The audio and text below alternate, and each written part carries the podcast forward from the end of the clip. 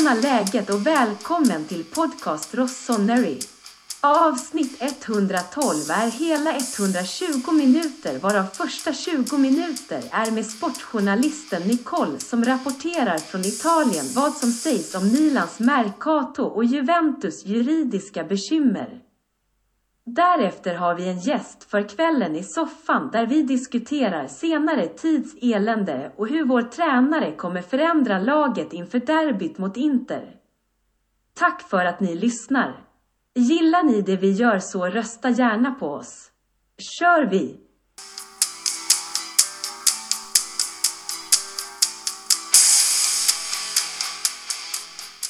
Nicole, välkommen återigen. Hur är läget och god fortsättning? Tack så jättemycket. Jättekul att vara med igen. God fortsättning på dig med. Jo, allting är bra. Eh, rullar på fint här. Du som inte vet, du jobbar nere i Italien och gör vad då? Jag är frilansjournalist och jag jobbar med ja, Italienrelaterade frågor och även eh, mycket fotboll. Och det är främst då för svensk media. På tal om media, det har ju kablats ut Juventus 15 minus i eh, Serie A-tappet. Vi får se rent juridiska utifrån den eh, civila rättsprocessen. Men om vi, om vi håller oss till det sportsliga. 15 poäng är, det är officiellt redan i tabellen men vad har, vad har du att säga om detta och vad kablas ut nere i Italien? Det är ju fortfarande en jätte, jättestor grej i Italien. Man är ju fortfarande skärrad efter Calciopoli och, och allting som har hänt där. Och det, det är stort och jag har sagt detta tidigare och, och skrivit om det tidigare men folk eh, tycker att det är lite pinsamt faktiskt att detta återigen sker. Eh, varför just Juventus, varför lär de sig aldrig av eh, sina misstag? Mer eller mindre så går snacket eh, både ute bland folk men också eh, är det såklart ingenting som italienarna vill förknippas med. Ja, det, det, man tycker att det är, det, det är pinsamt för italienarna helt enkelt och, och sen så förstår man dock att det här har ju ingenting med fansen att göra. Fansen har ju absolut ingenting med det här att göra. Så man, man, man lägger ju all skuld på ägarna, på styrelsen, på Agnelli och, och Paratici och hela köret. Man, man förstår verkligen inte hur, hur det kunde gå så pass långt. Men eftersom det har fungerat i, i så många års tid, under så många år, då är det klart att om, om någonting funkar så kanske man fortsätter på det spåret. Man, man, man blir kanske mer girig så att säga men eh, sen så är ju inte Juventus de enda som har eh, varit under utredning så att säga. Men man har hittat eh, väldigt mycket bevis, mycket material som då gör att eh, de nu har liksom fått minus 15. Nu har de ju en månad på sig att eh, överklaga och eh, de har redan förberett sitt överklagande. Juventus advokater har redan förberett det. Eh, de kommer att lämna in det inom de närmaste, inom, den, inom, denna, inom en månad då och sen så efter det så kommer domarna då att överväga, eh, ja, överväga deras överklagande helt enkelt. Och, och om det avslås, alltså om deras överklagande avslås så har de åter ytterligare ett till försök på sig att eh, överklaga detta. Men eh, jag vet inte om det kommer gå så pass långt eller hur, om, det, om det verkligen går, för det, det är lite så byråkratiskt. Jag, jag måste förstå det lite bättre, men de har i alla fall, eh, så, av det jag har förstått, två tillfällen på sig att överklaga. Finns det risk att Juventus inte får några minuspoäng och kan de få ännu flera? Och finns det risk att de vill dra med till exempel Milan i, ner i skiten om de har någonting på Milan? Juventus enbart. Det, det är så som jag förstår det. Det betyder inte att man inte eh, kollar de andra, de andra klubbarna. Men, men nu har, har ju det avskrivits när det kommer till de andra klubbarna och man valde att öppna upp Juventus fall igen för att det fanns så mycket bevis. Men jag, jag, tror snarare att det kan bli så att aha okej nu har vi börjat med Juventus, då kan vi kolla på andra klubbar också. Jag tror att det snarare är så. Men jag tror inte att man alltså, samtidigt tittar på andra klubbar. Utan nu tror jag att den här utredningen bara handlar om Juventus. Det, det, det jag har förstått det betyder inte att de andra inte, så att säga, att de inte granskas. För att svara på dina andra frågor så tror jag att man absolut kan eh, straffa dem när det kommer till det här med eh, lönerna. Att de eh, gick ut och sa att, de, att eh, spelarna skulle avstå fyra månadslöner. Nu har vi svart på vitt Ja, man har till och med sett eh, WhatsApp-konversationen som eh, De Chilio de Ligt eh, visade till eh, poliserna, det, det, det finns med i, i förhörsprotokollet, att det, det kommer stå i kommunikén att vi eh, avstår fyra månadslöner men vi, i själva verket rör det sig om en månad.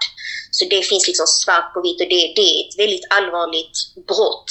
För det här har att göra med liksom börsen. Börsen steg ju, Juventus, alltså de steg ju på börsen när, eh, när det här officiella uttalandet kom ut. Så det är ett väldigt, väldigt allvarligt brott det här. Så det kan också leda till eh, ja, rättegångar och alltså potentiella eh, ja, straff. Hur, hur stora straff vet jag inte.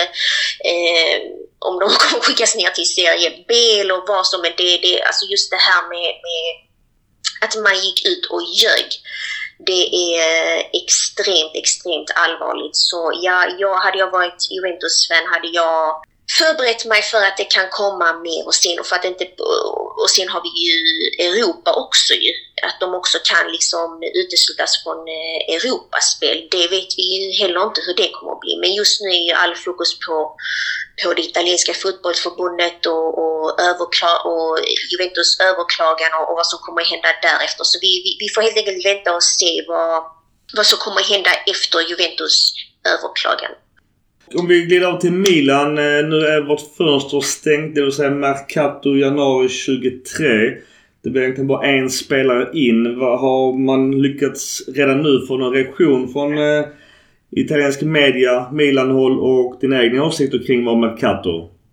Oj, oj, oj. Det har kommit så mycket åsikter om Milan och uh, Mercato. Mercato i somras man är chockad över det som händer med Milan och det, det gick så, alltså nedgången gick ju så fort från att ha vunnit scudetton till liksom där var man är idag och då blame, måste man ju ha någon att, att blamea på. Tyvärr så, så är det väldigt många som vill se att Pioli ska gå.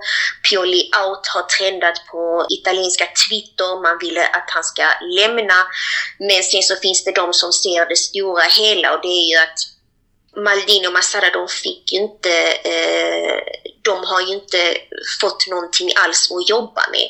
De som kom i somras, det, det här är långtidsprojekt. Det är liksom unga talanger kanske som, eller ja, spelare med potential så att säga som man, man sakta men säkert ska bygga upp. Det är inga spelare som liksom direkt kan komma in och, och verkligen visa järnet. Där har eh, ägarna fått väldigt, väldigt mycket kritik för man menar att varför har ni köpt Milan? Vad var anledningen till att Redbird faktiskt köpte Milan? Vad, vad, vad, fanns det för, liksom, vad är deras idé? Vad, vad, vad tror de? Tror de att det här kan funka för alltid så som Elliot gjorde? Och då tyckte jag ändå att Elliot gjorde ett himla bra jobb på slutet om jag ska vara ärlig. Absolut. Alltså med det de hade och, och, med det de hade och det, herregud, de var ju tvungna att äga Milan så att säga. De, de, de ägde inte Milan för att de riktigt ville. Så, och det de gjorde med tanke, på, med tanke på omständigheterna är helt fantastiskt om man faktiskt tittar på det idag. Så det är därför folk undrar varför köpte Redbird Milan? Alltså om man inte ska åtminstone satsa lite vad, vad, är deras tanke, vad är deras idé med klubben? Det är det ingen liksom riktigt förstår. Sen så har ju också italiensk media eh, kollat lite på, jag tror det var Corriere della Sera, jag vet inte om det är korrekt källa här, men de kollade också på vem är det egentligen som äger Milan? För nu är det, det är så att det finns ingen som har, alltså ingen fysisk person äger Milan mer än 10 procent, vilket innebär att det finns liksom ingen fysisk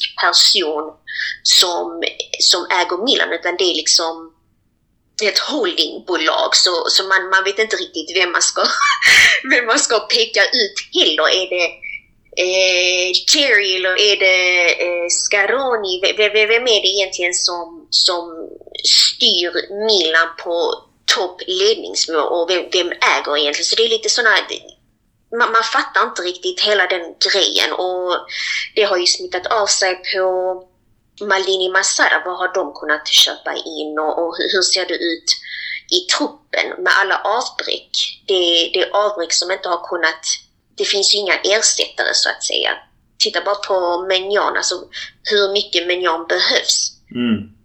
Sen är det ju så många som har, som är, som har svackor som Theo och spelarna är inte sig lika heller. Så man undrar ju vad är det egentligen som sker och vad, vad händer där? Och, och jag, jag själv personligen hade skilt på, på ägarna.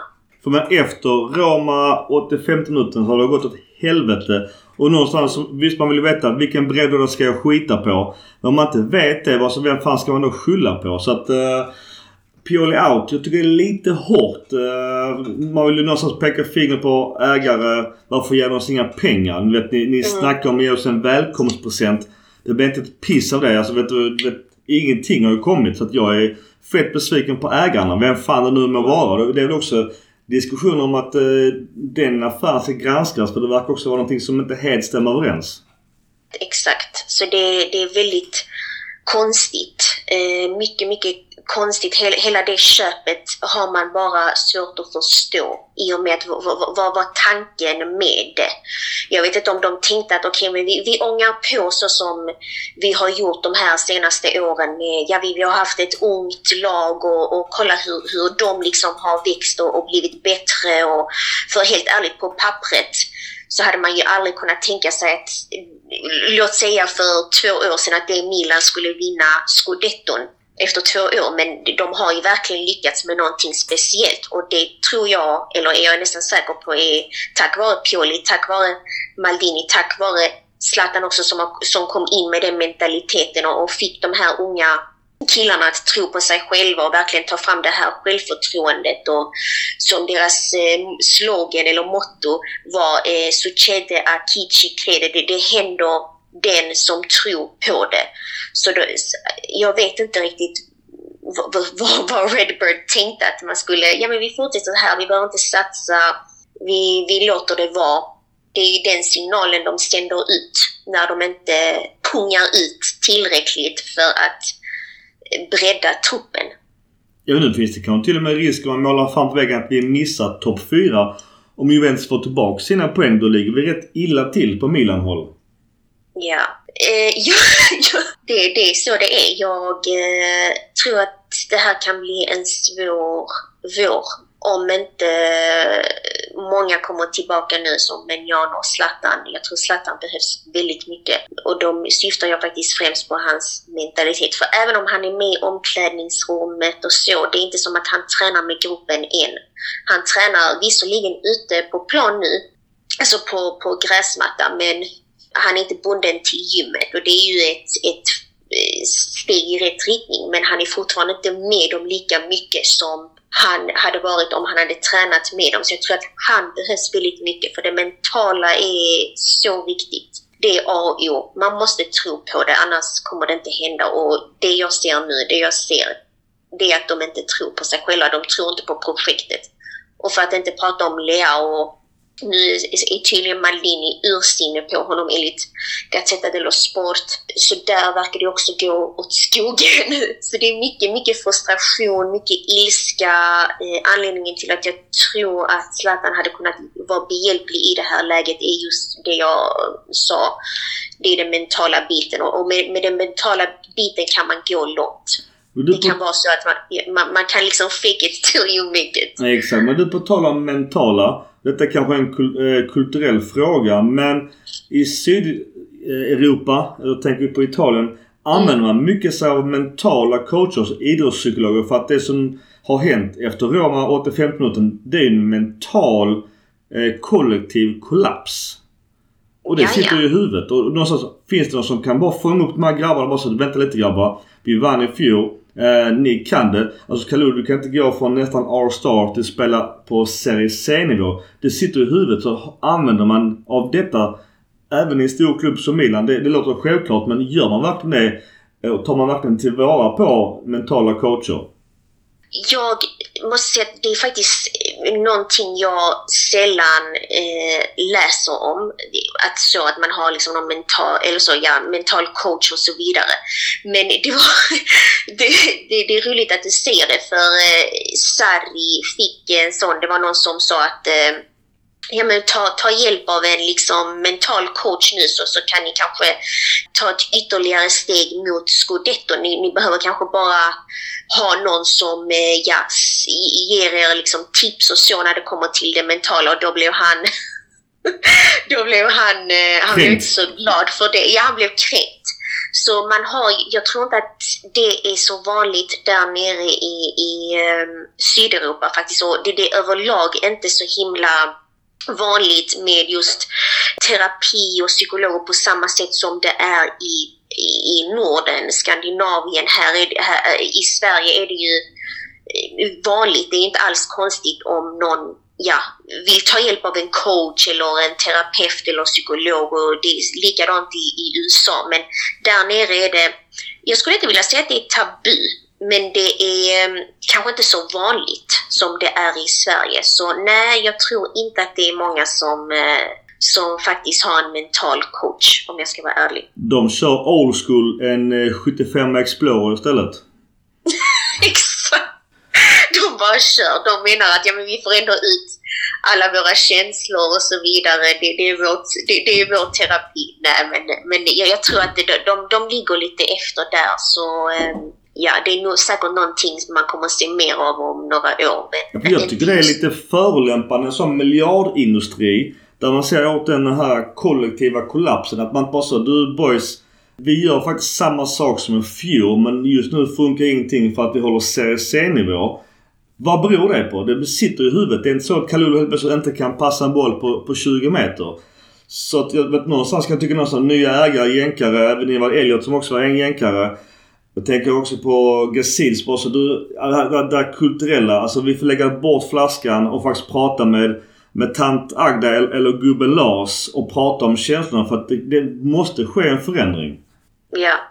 Och det är det, men man, man vet ju inte vad som pågår där bakom stängda, stängda dörrar. Man vet ju inte vad de pratar om. De kanske är superöppna och är bearbetar det på, på sitt sätt, men jag vet inte. Eh, det, det är konstigt. Det känns som att många spelare är stängda. Det är nästan som att man ser det på dem ute på plan. De är inte sig lika. Till exempel Leao. När var det senast man såg honom le? Han log alltid innan och det, ja. jag tycker att det är jätte... Det är jätte... Eh, ja. Det är talande absolut hur, hur de mår i truppen och hur de jobbar för varandra. Istället blir det att man eh, himla med ögonen och någonstans ge upp den där extra löpningen som nu som sist ett av alla de här hemska målen mot Sassuolo att det är liksom fyra spelare som springer fram och täcker. Men det är ingen av dem som slänger sig och i fjol hade alla fyra slängt sig för att täcka. Jag vet. Det är verkligen... Eh, det är, det, det är som att de har eh, tappat förståndet. Som att de inte vet hur de ska spela. Och det, är det, är som att de har tappat allt bara. Och det är det som är så konstigt också. Men... Jag tror och hoppas att det, det kan bli lite bättre med, med eh, ja, när man får tillbaka med John tror jag absolut, för det har man ju också eh, pratat mycket om. Liksom, varför har man inte satsat där? Varför har man inte tagit in någon målvakt som man verkligen tror på? Men vi kan inte bara förlita oss på, på en. Så där har också Milan fått väldigt mycket kritik. Men återigen handlar det ju om pengar. Och var kommer pengarna ifrån? Hur ska de få pengar? Maldini kan inte trolla. Och jag tror att han gör det bästa han kan med det han har, helt enkelt. Nu kommer det jävligt tuffa matcher. Det är derby här till helgen. Och sen är det Champions League mot Spurs. Eh, jag är inte för att sparka tränare. Det brukar sällan ge resultat. Men om Pioli förlorar derbyt och åker ut mot Spurs. Eh, kommer han kunna sitta kvar då i frågan? Bra fråga. Jag säger spontant ja, att han kommer att sitta kvar. För jag tror att de, de ser själva, alltså de ser problemet. Problemet är större än Pioli. Det är inte bara Pioli. det är mycket mer än så. Jag, jag tror att de är, de är medvetna om det. Därför tror jag inte att jag kommer lämna, men jag vet, man vet ju aldrig. Det, det kan mycket väl bli så, men jag, jag har svårt att, att, att se det nu i alla fall. Men man vet aldrig. Du Nicole, sista frågan. Eh, vad tror du om derbyt mot Inter? Och eh, om du ser Zlatan så hälsa från oss att jag har sökt honom på alla möjliga sätt och vis. det ska jag göra, det ska jag göra. Alltså, ja, vad jag tror om derbyt. Jag tror att Milan förlorar. Ja, Jag, ja tyvärr. Det, det, det, det är bara så. Det är väl det logiska tyvärr med tanke på... Ja, Jag ja, jag behöver inte säga mer. Nej, nej. Jag, jag, jag kan tyvärr vet säga själva. emot. Jag kan tyvärr säga emot. Jag tror inte på Milan just nu heller hemskt nog. Det är som är så här tråkigt att det, Nej. återigen till det mentala har vi ju inte någonting att tro på nästan. Men Det är att exakt, vi kan exakt. just nu super underdogs. Att vi kan leva på det. Ex ja, sant, sant. Du har det helt rätt i. Du har det helt rätt i. Jag försöker verkligen leta det positiva. Verkligen. Ja, men du, du, du hittade det. Ja. Så tack så mycket. Jag kommer använda det. Ja men gör det. Hälsa från mig till alla du som sagt använder mot. Det ska jag göra. Det ska jag göra. Tusen tack Micke. Du, tack själv Nicole och glad fortsättning och eh, fortsätt göra ditt goda jobb där nere i Italien. Tack så jättemycket. Ha det fint. Samma och så hoppas vi att Milan klarar oss topp 4 i alla fall. Absolut, absolut. Forza Milan. Forza Milan. Ha det gott. Samma.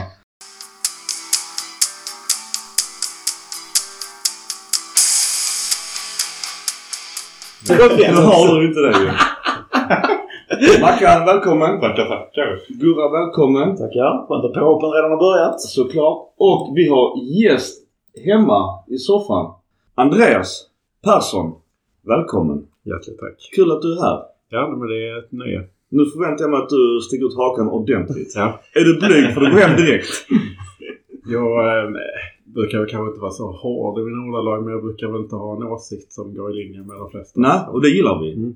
Vi vill gärna höra, höra båda sidor av myntet. Finns det tre sidor av myntet så är det ju ännu mer välkommet. Men vi börjar med eländet och eh, då har vi en, eh, en Mercato. Vi kan bara kort säga att eh, Premier League har ju ätit upp alla transfersummor denna vinter 23. Eh, Det är väl Chelsea som står för 95 procent. Ja men typ. Gått bananas 7 totalt. miljarder. Ja det är sinnessjukt. Sen vet jag faktiskt inte vad de har sålt för 593 har de handlat för. Eh, pund. Ja men det är ju nästan 7 miljarder Ja. svenska. Ja, menar svenska? Okej, ja. Mm.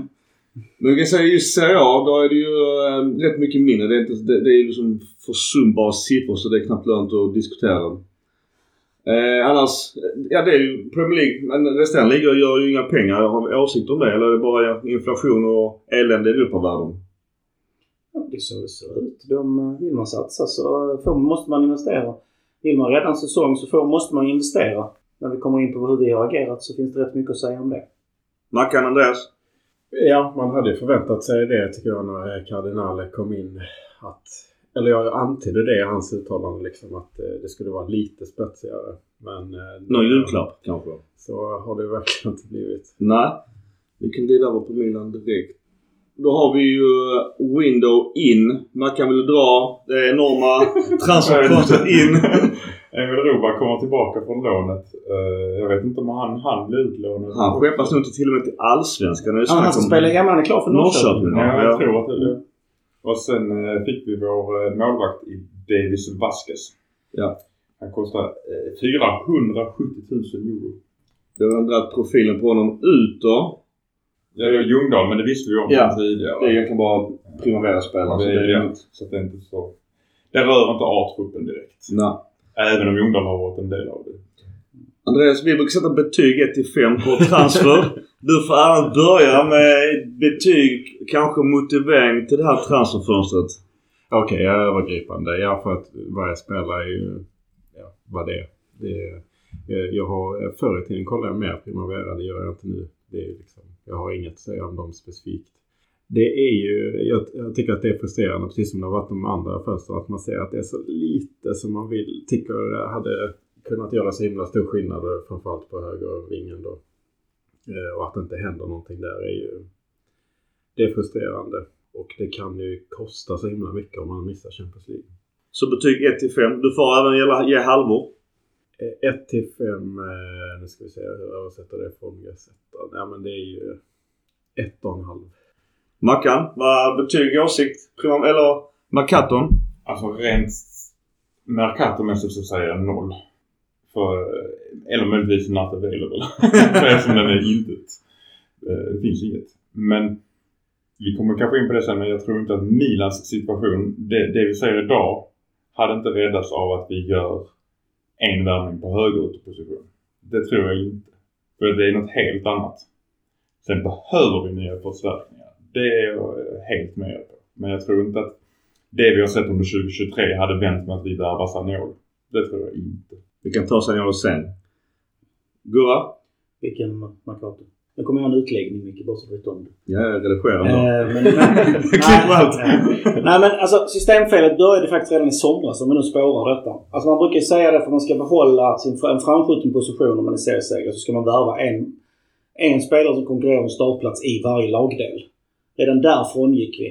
Vranks skulle mycket väl kunna täcka upp på mittfältet men jag vet inte om det är förtroende, självförtroende, speltid in eller vad det än må vara. CDK skulle ju vara den positionen där men samma sak där. Varför funkar det inte? Anfallet Origi, ja, jag varnade redan innan. Jag behöver inte säga så mycket mer där. Men vi, vi har ju tagit in spelare. Någonstans är det felscoutat, någonstans är det felvärvat, någonstans är det felmatchat. Och sen kommer vi in här nu. Vi har chans att rädda upp. Vi har ny ägare som har visat att han, att han, i alla fall uttryckt att han vill. Men vi ser återigen det amerikanska. Jag är livrädd för att jag får rätt. Och jag vill inte ha det att amerikanska ägare, de har vunnit nu, då, räcker, då, då behöver inte vinna på 10 år. För det är så de är vana vid hur rotationerna ser ut. Eh, vi skulle behövt en högerytter. Eh, de 5 miljonerna vi hade fått Sportiello för nu, det hade, istället för Tatarusano, det hade säkert räddat 10 poäng den här säsongen. Om vi skulle ta in en back, nu ryktas det ju om eh, han den fria, fri transfern. Eh, Frank Frankfurt? nej, jag vet inte. Han spelar i Arsenal. Eh, vi har finns en back som står utan kontrakt i alla fall. Eh, och det finns fler liksom att vi, sku, vi skulle behövt in två, tre stabila spelare i det här fönstret. Men en målvakt och en högerytter hade i alla fall gjort någonting. Och som vi varit inne på innan, vilka spelare brände vi inte i somras? Som transferfönster, minus ett. Du måste säga 0 till 5 i alla fall. Okej, okay.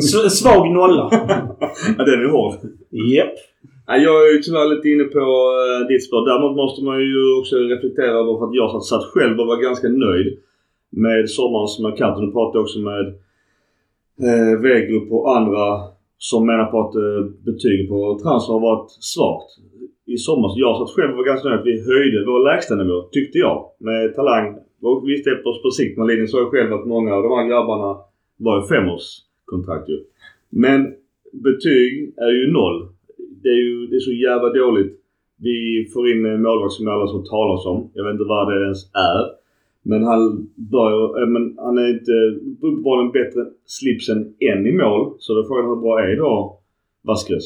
Uh, Keylor Navas gick precis på lån till Nottingham. Ja, jag skulle vi kunnat få honom också. Ja, och det skrev vi också i vår interna chatt att uh, Paris är fan skyldig oss Navas när de snodde Donnarumma från oss. Så de borde bara sagt du jag är ledsen boys. Här är lite plåster på sån Navas. Vi pratade ju förra avsnittet om Buffon. Jag fattar att den är jävligt komplicerad på många sätt och vis. Men fan vad det hade varit effekt av det. Om inte annat i omklädningsrummet. Exakt. Alltså den kittlar mig också Buffon. Ja. Sen är med Navas, alltså det är världens näst dyraste målvakt eh, lönemässigt. Och det, alltså, det finns inte en chans att han hade att vi hade haft råd. Det är det som är problemet. Men vi kanske räcker ta en tredjedel av lönen. Vi vet ju inte. Jag tror inte, ens, jag tror inte ens vi har försökt. Nej, jag, nej, jag, jag förutsätter att eh, Mike, som också ryktas, kanske är tillbaka då till Spurs. Och om det stämmer då kan jag förstå att man är lite passiva på marknaden. Men om inte det stämmer så kommer Milan bränna som du sa Andres. Vi kan fitta till fjärdeplatsen. Och vad fan, vad är då 5 miljoner för, för Atalantas målvakt eller backup-målvakt? Alltså för att återkoppla till vad jag sa förra avsnittet så Navas går inte till Milan på grund av, även om vi hade velat och haft råd, hade han inte gått för han vet att Mike är nummer ett när Ja. Mike är frisk. Och Navas vill inte vara tvåa. Igen. Igen. Så att det, jag tror att det är en icke-diskussion ens. Det måste vara världens bästa andra Om inte vi hade gjort ett lån på ett halvår och Ja. vi vet att Mike är borta resten av året. Då, Precis. ja. Och, jag är, och jag är inte säker på att han håller sig frisk när han kommer tillbaka. Så varit borta så länge från skap och skada. Alltså han har spelat sju omgångar och sen har han varit borta sen dess. Vi har ju sett att eh, vi ibland har skyndat fram spelare och så blir de skadade direkt. Ja. Så att, eh, vi får hoppas att, eh, att vi håller honom. Men problemet är att vi behöver honom jättemycket. Och det är såklart att vi vill att han ska vara frisk så fort som möjligt. Får hoppas de franska läkarna håller sig borta från honom. Ja, precis. Jag vet, det hade varit problem med båda skadorna. Men jag tycker med, med, om man bara ska ta det med Mangan så det är jättejobbigt och det är, jag tror det är en extremt stor förklaring till att vi har tappat mycket poäng. Eh, för att det är, liksom, det är uppspelsfas, det är trygghet defensivt och det är räddningar och så vidare. Det är många parametrar. Han är ju en av världens fem bästa tycker jag Mm. eh, för säsongen. Men, men det är absolut jättemycket skador men det ena är att han blir liksom trampad på foten förmodligen. Eller det är min tolkning. Lautaro. Eh, och, Svin. och, och sen får den här, alltså det, det är en skelettskada. Det är liksom inget eh, som kommer hända igen på det sättet. Och sen är det den här muskelskadan. Så det är två helt olika skador. Det hade varit mer oroande om det var samma skada. Alltså Zlatans muskelskada. Ja. Eh, så att eh, det är trots allt det. Sen är det jättejobbigt att han har borta så mycket. Men eh, man ska inte vara alltför... Eh, det finns nyanser i det så att säga. Det är sådana stämplingar som en viss kille som borde sitta i fängelse i USA gjort- har gjort sig känd för hela karriären att sätta in. Mera transfer, det är vår eh, följetong. Bakayoko är inte jättepopulär i Milanleden. Någonstans som jag skojar med fan, ska vi inte bara använda honom med tanke på att vi ändå betalar så jävla mycket för honom och han ändå är available. Mm. Alltså någonstans gör han till ankare och att han får springa och sparka ner Interspelare till nästa match. Jag vet inte. Nu, det var snack om Lyon och där ville Chelsea eh, ha, Chelsea vill ha pengar av någon jävla anledning fast de bränner 7 miljarder. Och sen var den här turkiska klubben då där det också sket sig. Det var för att för Bakayoko inte ville gå. Ja. Och det kanske, jag vet inte, jag ska inte vara oskön och säga att jag förstår det men vi har honom kvar till sommaren helt enkelt. Det känns som en fin i röven vi inte blir av med helt enkelt. Nej, men att använda Bakayoko som ett ankare, det har ju funkat förr. Han har ju varit bra som det. Ja. Frågan är om han, om han just nu är bättre än Branks på det. Eh, Alltså, eh, du säger att han inte är så populär nu och jag fattar precis vad du menar. Det, för mig är det här en av de stora besvikelserna när han kom tillbaks för att jag hade höga förväntningar för att han var ju superpopulär. Ja, det satt vi också. Vi var Alltså nöjda. hela den Bakayoko och låta på hela Mm. Alltså han hade egen ramsa och var liksom, eh, han, och han var ju kung Mm. på det mittfältet som är ett tvåmannamittfält som, alltså man tycker att det borde gå att vara ett alternativ till Kassir liksom. Men eh, det har ju inte gått, eh, verkligen inte. Eh, För det var så vi resonerade. Att, eh, så också när man kan vi, vi, vi, fattade att Kessie kommer ju pissa på oss och dra. Att det var därför vi tog in Bakayoko igen. För att han skulle vara Kessies ersättare. Det var så vi trodde men Pioli har haft andra åsikter. Men sen är det ju så med Bakayoko, vi vet ju de första 3-4 matcherna är han inte bra. Och sen så höjer han sig 15 nivåer hur bra som helst. Så han måste få göra några plattmatcher innan han är inne i det. Så har det varit varje gång. Vi går vidare. Mackan Leao, följetong. Han är ute på Twitter och tackar journalister som är ute och svingar hej vilt. Nu är det transfer. Silly season. Behöver inte ha länk och källa. Nej, men eh, det ryktades för någon dag sedan att eh, det hade brutit samman totalt. Men då går Fabrizio ut och säger att det har det inte alls så. Det skriver väl jag tack för att du informerar för det är så det är. Typ. Och det, det är som du säger, det är silly season. Det, det finns, alla har sina egna agendor här. Så. Jag tror, eh, jag tror han förlänger. Tror du det? Tror jag. Jag tror att Milan inte har råd att tappa honom. Mm. Alternativet, som jag har lite baktanke, är att det är det som är problemet just nu med att han inte vill förlänga. Ja. Och att det skapar oordning i trupp. Ja men som vi sa sist och härom sistens och så vidare och så vidare. Det är den här jävla eh, betalningen till Sporting Lissabon. Den är ju inte Milan jättesugna på att göra. Men nu var det ju tydligen den här uh, utköpsklausulen som du strulade på. Ja, Han vill ju sänka till 80. Och man, men det är också ett rykte. Det är ju mycket bullshit enligt honom själv. Och det var ju den som Milan, det var ju Milan också som gick ut med det på hemsidan och dementerade det här med halvväg. Det är möjligt att jag är för optimistisk eller tar eh, spelares perspektiv men jag får lite känslan, jag fick det med Donnarumma också, att det är ju agenterna har ju eh, påverkar spelarna väldigt mycket som inte är till deras eget bästa Mm. tror jag. Eh, och jag fattar faktiskt inte varför spelarna lyssnas, alltså tar, går så mycket deras eh, ärenden för att tjäna pengar. Eh, Leao är ju så pass bra att eh, hans skicklighet talar för sig själv. Mm. Eh, sen är ju Mendes eh, världens största agent men eh, Ja, numera. Och i slutändan är det ändå spelaren som bestämmer. Agenten har bara en rådgivande funktion. mm, ja, alltså det, givetvis är det så men eh, Ja, vi minns ju Donnarumma. unga Vi gör som Raiola säger. Det, Det är Det var jobbigt att höra. människor. Alltså, Raiola tror jag var honom när han var tidig. Ja. Alltså, han var tonåring liksom. Och eh, har rimligen påverkat honom väldigt mycket. Eh, och eh, eh, sen är man ju ansvarig för sina egna beslut också givetvis. Men det eh, jag är, jag är lite bekymrad över agenternas eh, påverkan där på de unga spelarna framförallt. Har en kompis Micke. Ja, jag hatar också agenter. men, jag har, men jag har lite förhoppningar att Leao faktiskt vill stanna. Jag får faktiskt de... eh, Det är inte så att Milan kommer göra honom lottlös. Han kommer ju, det snackas åt en rykte men det är ju ändå diskussioner på 7 miljoner euro. Det är ju inte kaffepengar. Vad säger du Mackan om den? Alltså jag håller med er. Sen har jag min baktanke på det här. Alltså varför går Milan ut och dementerar någonting? Då får jag så här direkt, ingen rök utan eld. Mm. Varför överhuvudtaget lägga sig i den här? Alltså, då, Då sänker man sig till deras nivå. Lite Och då vet man, är det någonting som är i vägen just nu? Men vi har ju det här att han, har ju, Det- han har ju spelat med huvudet under armen liksom i ett par några matcher nu. Han har inte varit sig lik. Och det, tror- det spinner ju bara på hela rykteskarusellen också. Bryr han sig inte längre. Nej, jag tror han påverkas rätt mycket av det. Och sen så, det, det späs ju också på. Han ser ju lite låg ut ibland. Det är ju lite hans spelstil. Mm. Så då kan det ju spä, späs på av det.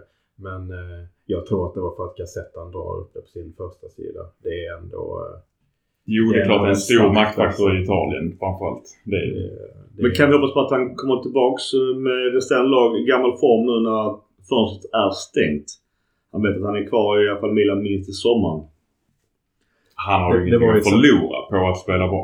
Om vi säger så. Det var ju exakt likadant i somras. Eh, Sen vet jag inte om, man ska, om det är på grund av det. Men det var ju i samband med att fönsterna, spekulationerna stängde så eh, Mm. förbättrades hans prestationer då. Men eh, jag, jag vågar inte säga att det är på grund av det. Men, eh, Ja, när vi ändå är inne på spelare. Nu är det ju nyförvärv. Det är lån. Brangs 12 miljoner.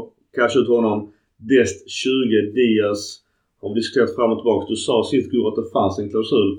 Och 22. Eh, bara kort ja nej för hade ni tagit alla tre eller vilka hade ni velat köpa ut av de här tre spelarna? För den summan, om vi tar summan rakt av. Ingen. Den som är värd pengarna är faktiskt Branks. Ge honom tid. Ge honom speltid så kommer han bli bra. Han har alla förutsättningar. Scoutrapporten på honom är löjliga. Så att det där finns en superspelare om han bara får, kan utvecklas.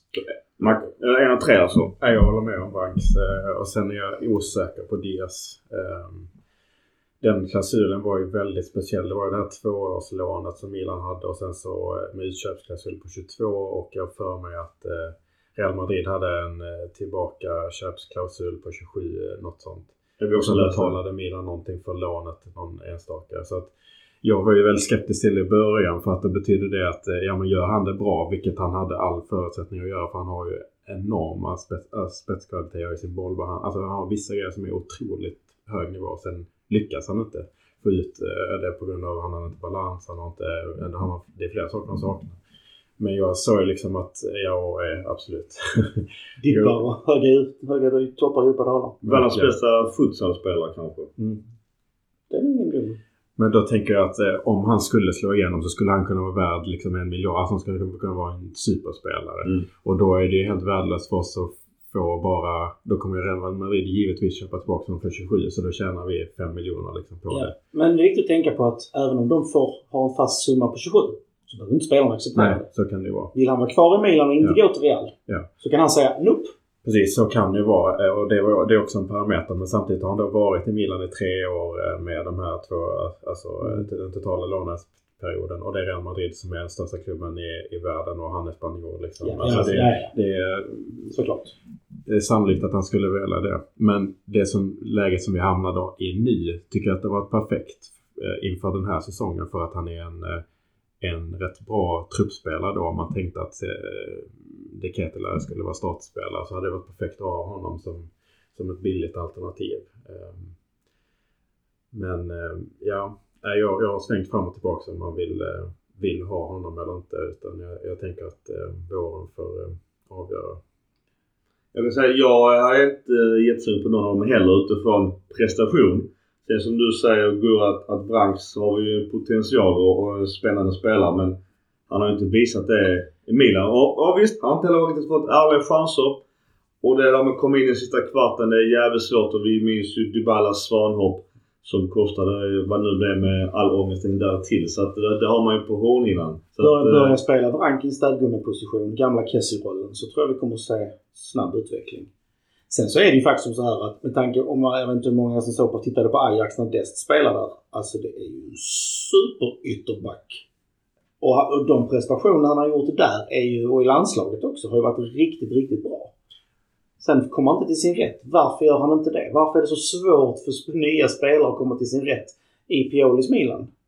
ja. Mackan, sista ordet på Marcato. Men det var väl det jag skulle komma till också. Utifrån prestationer och att de inte får spela säger jag nej. Jag säger inte det till spelarna i sig egentligen. Det är så jäkla svårt att komma in i alla italienska lag. Speciellt om du kommer från ett annat land och inte spelat i ligan tidigare.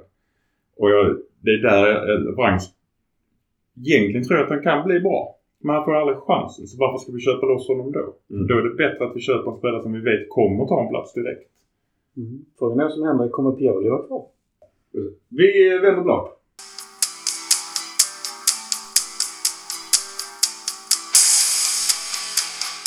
Då är det matcherna. Ja. Måste vi? Ja, fy fan vad piss alltså. Skulle tagit med sågen. Vi uh, förlorar på Olympico med 400 mot Lazio. Alla vet om det. Vi... Uh, alltså, jag ska, ja, vad fan jag ska säga. Alltså. Det är ju det är 1-0 i röven redan efter 4 minuter sms. Det är ganska snyggt överhoppat dessförinnan av vår backlinje står som fågelholkar. Hönsgården är ju helt öppen. Vi kan bara ta eh, just stats på den. Mackan, du hade lite info om mål insläppta på tal om Hönsgård. Ja, att vi har släppt in 18 mål på en månad. Eh, Det är det värsta sedan 1929-30. Ja. Det, det är inte bra. Nej. Och resterande, om vi säger topp 5 då. Bara får jag en eh, historisk tillbakablick. Topp 5 negativt. Ja, ja, tyvärr. Så januari 2023 18 mål. Maj 1958 16 insläppta. 74 i mars 15. Eh, juni 47 14 och maj 42 14. Ja, men alltså det här visar ju, vi ser i Lazio-matchen, vi ser de andra matcherna, det finns ett systemfel just nu. Om Pioli har tappat gruppen, skulle förklara väldigt mycket. Om spelarna är trötta efter ett tokmatchande. För Pioli roterar ju knappt. Det får vi också komma ihåg. Nyckelspelarna spelar. Och plus då skador och så vidare. Så frågan är, var är vi? Ja, vi roterar just på Så- så- vänsterbacken nu. Det var ju Ja, vänsterbacken. Ja. Wow. Alltså Men som Sassuolo sagt- var det ändå rätt så rejäl rotation. Rebic spelade istället för Leo och Benazer var inte med. Det var avstängning i och för sig men Theo spelade inte heller. Och, eh, och Gabriel spelade ju mittback. Så att det var ju rätt... Eh, Mm. Man ofta Ja, brukar, det- men som sagt, Giroud, hur många matcher har han spelat nu? Och hur många rad? ja, nej. Men Andreas, vad säger du om eh, Lazio borta? 0-4. ja, det är ju ingen topprestation. finns, det, nej, finns det någonting att lyfta upp som är positivt? Det är Nej. frågan. Nej, verkligen inte. Det, det man kan säga är ju att jag ty- som är, det är verkligen inte försvarande så men eh, det är ju ett mardrömsmotstånd eh, när laget inte funkar och möta just det här Lazio som eh, under Sarri har eh, när det klickar för dem så kan det se jävligt bra ut. Eh, och det får ju Milan verkligen eh, smaka på. Samma med Sassuolo egentligen som Visst, de, är ett, de slåss för överlevnad på pappret. Men de är ju ett enormt mycket bättre lag än så egentligen. Och när deras spel sitter, vilket också Milan exponeras för, så, så ser jag, det, hade, det är ju värre om man hade släppt in fem mål av ja, Sampdoria. Konkurs snart, typ. Så. Eh, men, eh, men nej, det är ju, det är ju helt eh, hemskt såklart. Jag tycker det är lite jobbigt att se att Milan gör som Andersson och Sakagni till alltså, världsspelare. Ja. Alltså, Calabria och Kalulu, den sidan och Messias, det var ju katastrof. Eh, Alberto och Sakagni hade ju hade läggstuga. Nu, nu funkar det tyvärr ingenting på varken, ja egentligen ingen i backlinjen. Nej.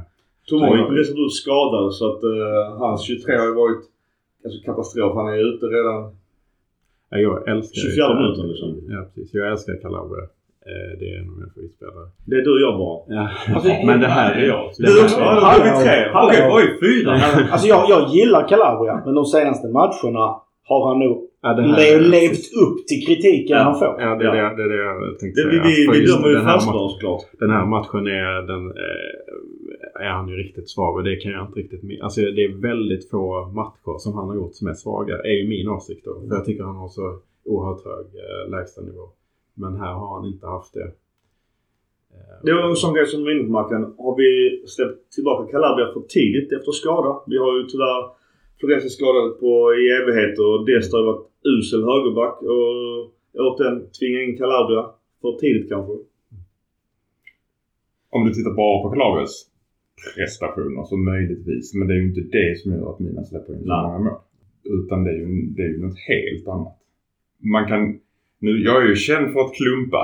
Men om du tittar på hela säsongen 22-23 och jämfört med föregående säsong. Så har vi otroliga problem med vårt pressspel. Finns det? Och, och, precis, och under 2023 har det varit katastrof. För du har anfallet pressar. Men en, då följer inte backlinjen och mittfältet med upp. Så att vi har ett lag som är från, från Tatarusano upp till Giro. Och det är ytor. Det är fantastiskt stora ytor. Och under förra säsongen när vi vann pressade vi med hela laget helt rätt hela tiden. Det var det som räddade alibi-spelare som Sellemakers, Messias, Diaz och så vidare. Att hela laget var så samspelt. Precis, och det är vi inte just nu. Jag tror att det är det till, jag ska inte säga men det är över 50% av anledningen att vi släpper in så mycket mål. Inte första målet. För det var backlinjens fel emot Lazio. Men det händer. Men totalt sett under, under hela säsongen egentligen. Men framförallt under 2023 är det pressspelet som inte fungerar. Det är därför jag är inne på ett systemfel och då faller det troligtvis på coachen. Ja, alltså det är någonting där som inte stämmer såklart. Vi kan ta coach senare just när vi pratar lite inför Inter. För han har faktiskt eh, deklarerat att det kanske blir taktiska förändringar. Så att, eh, och jag vet också eh, presskonferensen efter Sassuolo var ju var också väldigt självkritisk och menade på att vi, det kommer nog ske förändringar både i, som du är inne på Andreas, både i formationsbyte och även spelarbyte.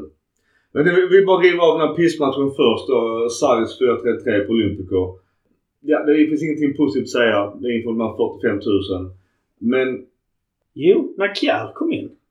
han kom in efter Tomaris efter 24 Jag, jag, alltså, behållningen med denna var att se att Kjär, hur han, att han var i form, hur han slet. och Hur han var, hur han var petad i matchen efter. Det förstår jag inte om han inte var, hade någon känning. Rotation. Rotera avbytarna. Ja, men Nej, hur men länge jag, du spela tror, kul? jag tror att det är känning. Han har inte kommit tillbaka hundra efter sin skada. Ja, det måste ju vara det. Jag, för jag kan inte se någon annan anledning till att köra Gabia eh, Kalulu mot Sassuolo. Men han var ju bra i denna matchen han kom in. Eller Det mindre det här-. Han var nog absolut den minst Ja. dåliga. Ja. Och det är som sagt, vi behöver ju hans passningsfot från backlinjen för han spelar väl lite väl lättläst som vi har blivit ändå. Vi behöver honom ännu mer när vi inte har eh, Magnon som gör de passningarna. Ja. Andreas, vad säger du om Charles de Kettler? Han kom in igen. Eh, tyvärr som vanligt bottenbetyg. Var ju ganska hård kritik nere i Italien också. Åsikter om, om honom och den värvningen redan från sommaren. Jag tycker verkligen att han har gjort någonting. Sen har eh, i positiv bemärkelse så som alla andra tycker. Men det, det jag tycker är att man får ha tålamod och det har jag absolut inget problem med att ha. Vi har sett det med alla spelarna som vi har. Alltså Leo köptes för samma summa i princip. Eh, han var ju inte bra. Dagen. Det var ju, jag, eh, en av mina starkaste åsikter den senaste tiden var att han var så usel som centralanfallare att han skulle spela på kanten. Eh, Jag tycker att det, var en stor del i sig av, av- av förändringen. Men även när han spelade på kanten när han, han blandade och gav väldigt mycket.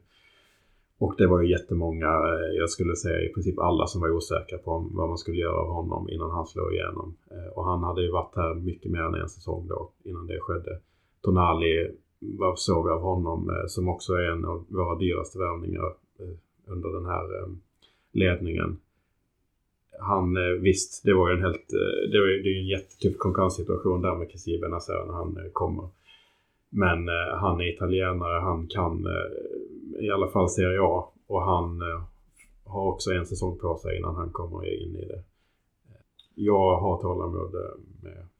För jag tycker att eh, likt Leao så såg man hela tiden att där finns en jävla spets och jag tycker att man ser det i, Kettler även om det är extremt begränsade moment. De enda tre som egentligen har gått in och levererat direkt är ju Kjär, Tomori och Zlatan. Mm. Alltså av nyförvärven vi har gjort de senaste tiden som bara liksom har... Ja, Giroud får man väl säga. Ja förlåt, Giro också. Giro också. Jag backar på den. Giro med. Och typ Kalulu. Det, Ja, det tog, det tog, det tog. en Men säsong. det är ju mer att han inte fick chansen. Ja. typ så fort han kastades in på höger, högerbacken också så var han ju eh, Ja. klart över förväntan. Men det är ju undantag också. Mangan eh, också. Vi pratar hörnskador, vi tar lite procent. Vi ligger ju i toppen i procentuellt men det är kanske inte listan vi vill ha. Vad, Våra målvakter har den här säsongen en räddningsprocent på 26,4 procent. ja. De släpper in 73,6 procent av alla skott. Udinese är, an, är näst sämst på 50 procent. Sen kommer Sassuolo och Juventus på 45, Atalanta på 38 och så vidare. Men detta är under 2023. Ja, under 2023. Ja, ja. Ja. Detta är horribelt. Ja men det är jag ändå hajar till på. Alltså, vi visste ju att slipsen Tatar inte är jättebra. Det sa vi sist också. Det är tufft också som uttalad backup och spelar så många matcher i rad. Men det jag reagerar på det är ju ändå att Juventus då, Chesney har 40, alltså han räddar typ hälften. Mm. Alltså det är nog världsmålvakt. Han räddar hälften. Atalanta har väl, det är väl han eh, Musso som står mål där. Han var ju asduktig när han var i Udinese tror jag. Så att eh, jag hajar till mer på det. Att vissa typ tror att vi släpper in 3 och 4 är ju hemskt. Det, det, det, det är ju alltså, det är en hönsgård. Mm. Men att Juventus släpper in eh, varannat skott på mål är ju uppseendeväckande. Mm. Det har inte varit det- deras bästa period heller. Nej, Just nej. 2023. De har ju släppt in färre mål eh, under hela hösten. Han har mycket att tänka Ja, det här landslagsuppehållet var inte bra för klubbfotbollen. Nej, inte för oss i alla fall. Vi glider in på nästa match och då är det ju, ja det är ju, det är mörker. Hönsgården är ju, rävarna har ätit upp allt. Då har vi ju Sassuolo hemma. Eh, det enda positiva det är att vi har över 70 000 på läktaren. Mot då eh, Alessio Denosis 4-2-3-1. De spelar exakt som vi gör och ändå blir vi totalt utspelade.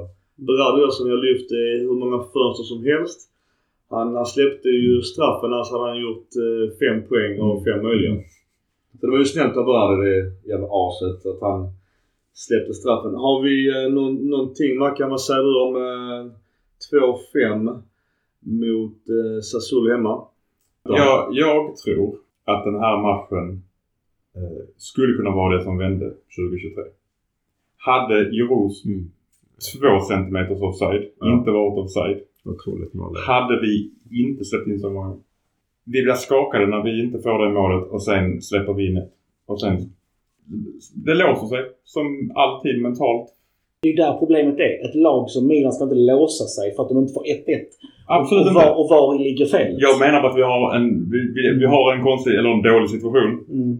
Och den här matchen hade kunnat vända det om vi hade fått li- Det var ju rätt bortom, det är inte det jag säger. Mm. Men det är två mål bortom va? Ja, Lite bittert. Och deras, eh, de har ju också ett mål som inte ska, jag har jättesvårt för, jag kommer inte ihåg vilket av dem det är, men som ska vara offside, tycker jag.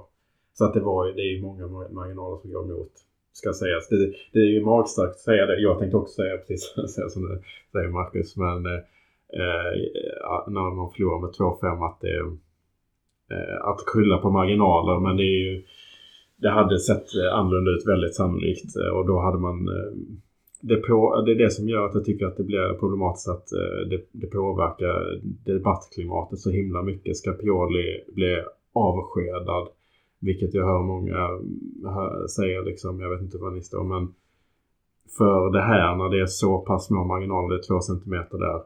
Det är det som gör skillnaden förmodligen för utfallet i den här matchen. Sen är det alarmerande givetvis att man faller, faller ihop. Men eh, då snackar vi liksom utveckling som har skett under eh, flera års tid som har tagit oss från ett ställe Mm. där, som inte var Champions League för väldigt länge till utveckla spelare till att ha en fantastisk känsla i laget. Det är ett lag som man bryr sig om mer än på länge. Alltså det finns så himla mycket positivt som har, som har, eh, som har varit och att då även om det är hemska siffror så um, Alltså, siffrorna är inte jag orolig för. Det jag är orolig för är att vi inte har någon, alltså, att vi inte har någon, någon, någon vinnarskalle. Att vi faller ihop. Mm. Att vi inte har något psyke. det är där kritiken, jag har kritiken mot Pioli för det är hans ansvar. Mm. Men alltså att vi släpper in mål så, det gör man. Det är bara att gilla läget. Att marginaler går med och emot.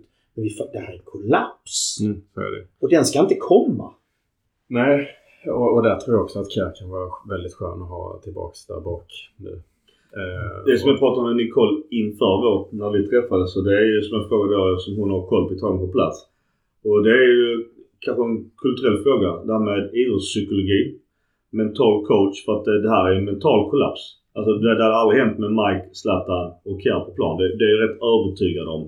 Men det är som, jag vet inte vilket av målen det var. Om det var fyran eller femman eller fan om det, allting går ihop. Men då har ju ändå Milan, jag tror det är fyra eller fem spelare vid ett skott. Och ingen slänger sig. Alltså det, det är bara så jävla svagt. Och sen också det vid en annan situation, tror jag vid hörnan. Vi pratade sist om Reichenfeldt Gurra. Jag höll fortfarande inte med dig men här har vi ju ändå en situation med deras mål. Och då har vi då Slips och sen har vi sex gubbar. De har två och de gör ändå mål på denna hörnan. Jag, alltså jag, jag tycker det är så otroligt dåligt hur vi eh, i fasta släpper in mycket mål. Jag vet inte, alltså det, det känns inte som att det var något vi pratade om i fjol. Så har det återigen, vad fan har hänt med hönsgårdar? Alltså jag pratade om det i fjol. Att det var ett jävla, så jävla stort... Eh, alltså hur fan kan vi inte släppa in fler mål när vi har Kalulu som en mittback till exempel. Alltså han är ju så liten. Mm. Det är ett helt... Alltså, och så möter vi så här Skriniar, De Frey. Alltså det, så har de tre tunga pjäser inklusive så- Alltså det är helt sjukt att det inte trillar in fler mål innan. Men här ser vi, men vi har ju ingen härförare i försvaret. Nej. Vi har ingen Mike Magnar i målet. Vi har ingen Tomori. Vi har ingen Kjär. Det Ja, men Giroud har ju sin position. Jo men Giroud är ingen försvarshärförare. Man kan vara säga du om, eh, du får klumpa hur mycket du vill. Med fasta hörnskård etc. Jag tycker att vi är dåliga på fasta situationer både offensivt och defensivt. Det tycker jag vi har varit länge. Eller väldigt lite utdelning på båda hållen. Om man nu får säga så. Jag kommer inte ihåg sist vi gjorde mål på en hörna höll jag på att säga. Ja, det var, det känns som det är många fler säsonger sedan. Vi har gjort det Ja, men, jo, jo, men det känns men som- det, är, alltså, det, det är för lite utdelning på de fasta situationerna. Ja, Kettler hade ju ribban mot Torino men ja, det hjälper inte. Vi har eh, Kettler, i- alltså om vi nu får gå tillbaka till Kettler-diskussionen lite så i denna matchen var han ganska bra. Men där tycker jag Pioli gör ett fel. I en match har han faktiskt spelat ganska bra även om vi ligger dåligt på det. Varför byter vi ut honom då? Ja, halvtid han är Ja, halvtid mot uh, Ja. Leo ja. Jag tror att detta är det bästa han har spelat på fyra månader. Det är inte bra för hans självförtroende. Det stärker inte honom när, vi redan är så jävla dåliga. Och då byter vi in Ja, Leao kom också in på Vega och Rigi. Och Rigi i sig ett jävligt snyggt mål. Det var, det Ja, det var riktigt fint. ja. Men det som oroar mig också det är ju att vi har ju sju gula kort hemma mot Sassuolo. Det är frågan när det kommer att straffa sig. Det gav inte ens någon poäng. Nej, det är jag med på. Det är eh, sju gula kort, inga poäng. Det, det, alltså förlusten känns ju riktigt hårt i rumpan. Är Tonali avstängd? Nej, det kan Nej, inte vara. Han nej, hade ju pre- precis... eh, Nej, det är avstängd. förlåt. Benazer är skadad. Skadad. Ja. Så. Men alltså var ju avstängd i den här matchen på grund av eh, gula. Ja. Men eh, är skadad nu på träning då. Men Precis. det jag kan känna där är ju att vi inte, att inte någon tar ett rött är jag glad för. För att det är ju också mycket frustration. Ja. Men, men det är ju klart att det är problematiskt med gula också. Men eh, ja, man, jag fattar ju frustrationen. Det, det, och det är också så här, det, det är ingen spelare.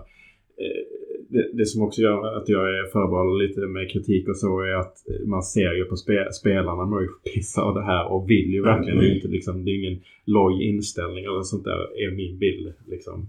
Utan man vill ju verkligen att det ska vända. Men alltså- och man hör det i intervjuer efter att de liksom Giroud typ gråter och säger att ja, supportrarna förtjänar detta men det funkar liksom inte. Ja. på vissa positioner. Mittbackarna håller inte just nu. Inte Kalulu och Gabi. Kalulu behöver ju en halvförare bredvid sig, det vet vi. Sellemakers, Messias på högkanten. Alltså Origi som alternativ. Visst, han gör ett snyggt mål men tänk på att vi tog troligtvis honom istället för Dybala eller Belotti. Mm. Som hade varit jättelyft bägge två i jämförelse. Kroni som precis kommit tillbaka från skada och ja, medioker tycker jag att jag är lite snäll. Varför spelar vi inte på Vega där till exempel? Hernandez som troligtvis fortfarande lider av sin muskelskada, alltså muskelslitning efter det här tunga matchandet. Det är ett sargat lag. Det är ett lite för tunt lag. Eh, som, inte, som hade behövt ett, två nyförvärv som hade kunnat konkurrera om startplatser. Två, tre kanske.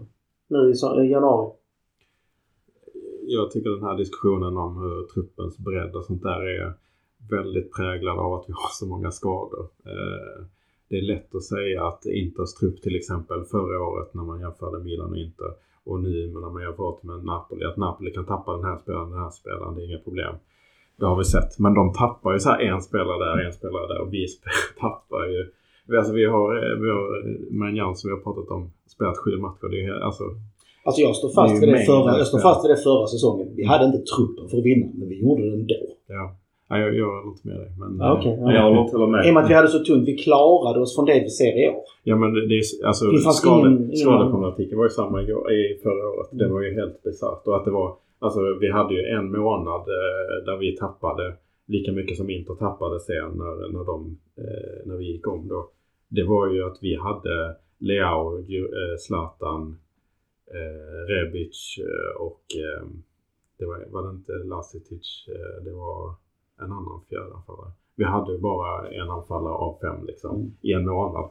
Eh, och det var ju Zlatan och han drog i korsbandet där Mm. och slet på ändå. Eh, så att där tappar vi mycket och ehm, eh, det, det som är, så- jag, tycker, jag tycker att diskussionen är så präglad av eh, att Milan har haft så många skador hela tiden. Alltså Calabria och Florenzi är borta typ halva säsongen nästan.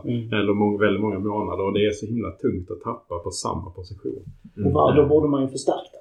Nu gör ju det ju. Ja. Man kan en gammal klyscha som vi har dragit eh, mycket tidigare. Lunchmatch.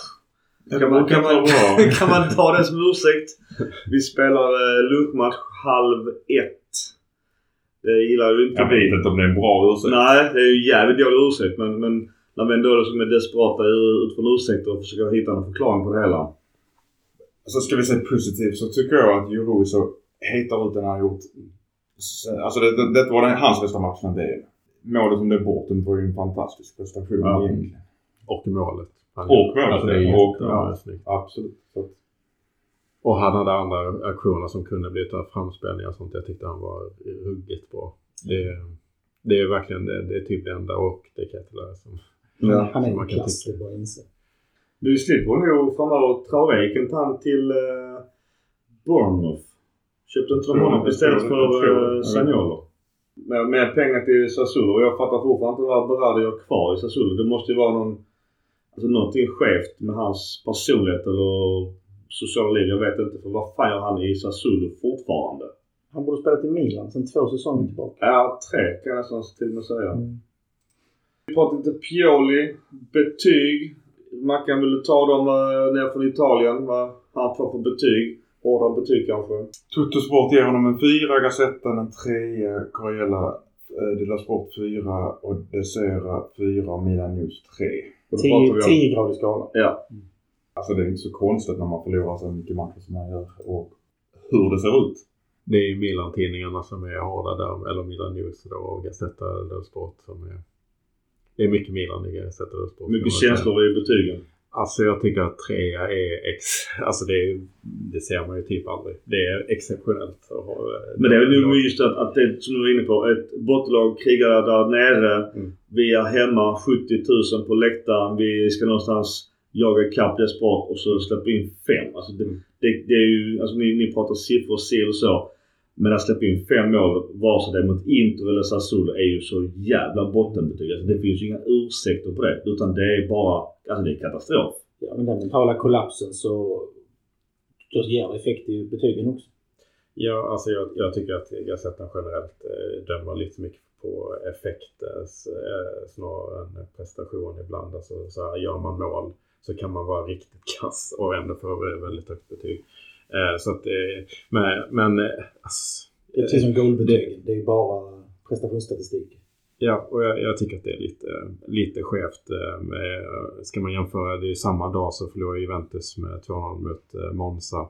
Som typ var i underkant tyckte jag. Jag såg inte riktigt hela matchen men att förlora mot Monza 2-0 på hemmaplan och inte ha några tendenser vad jag såg. Det Monza hade flera chanser, de hade nått bortdömt innan det och sådär.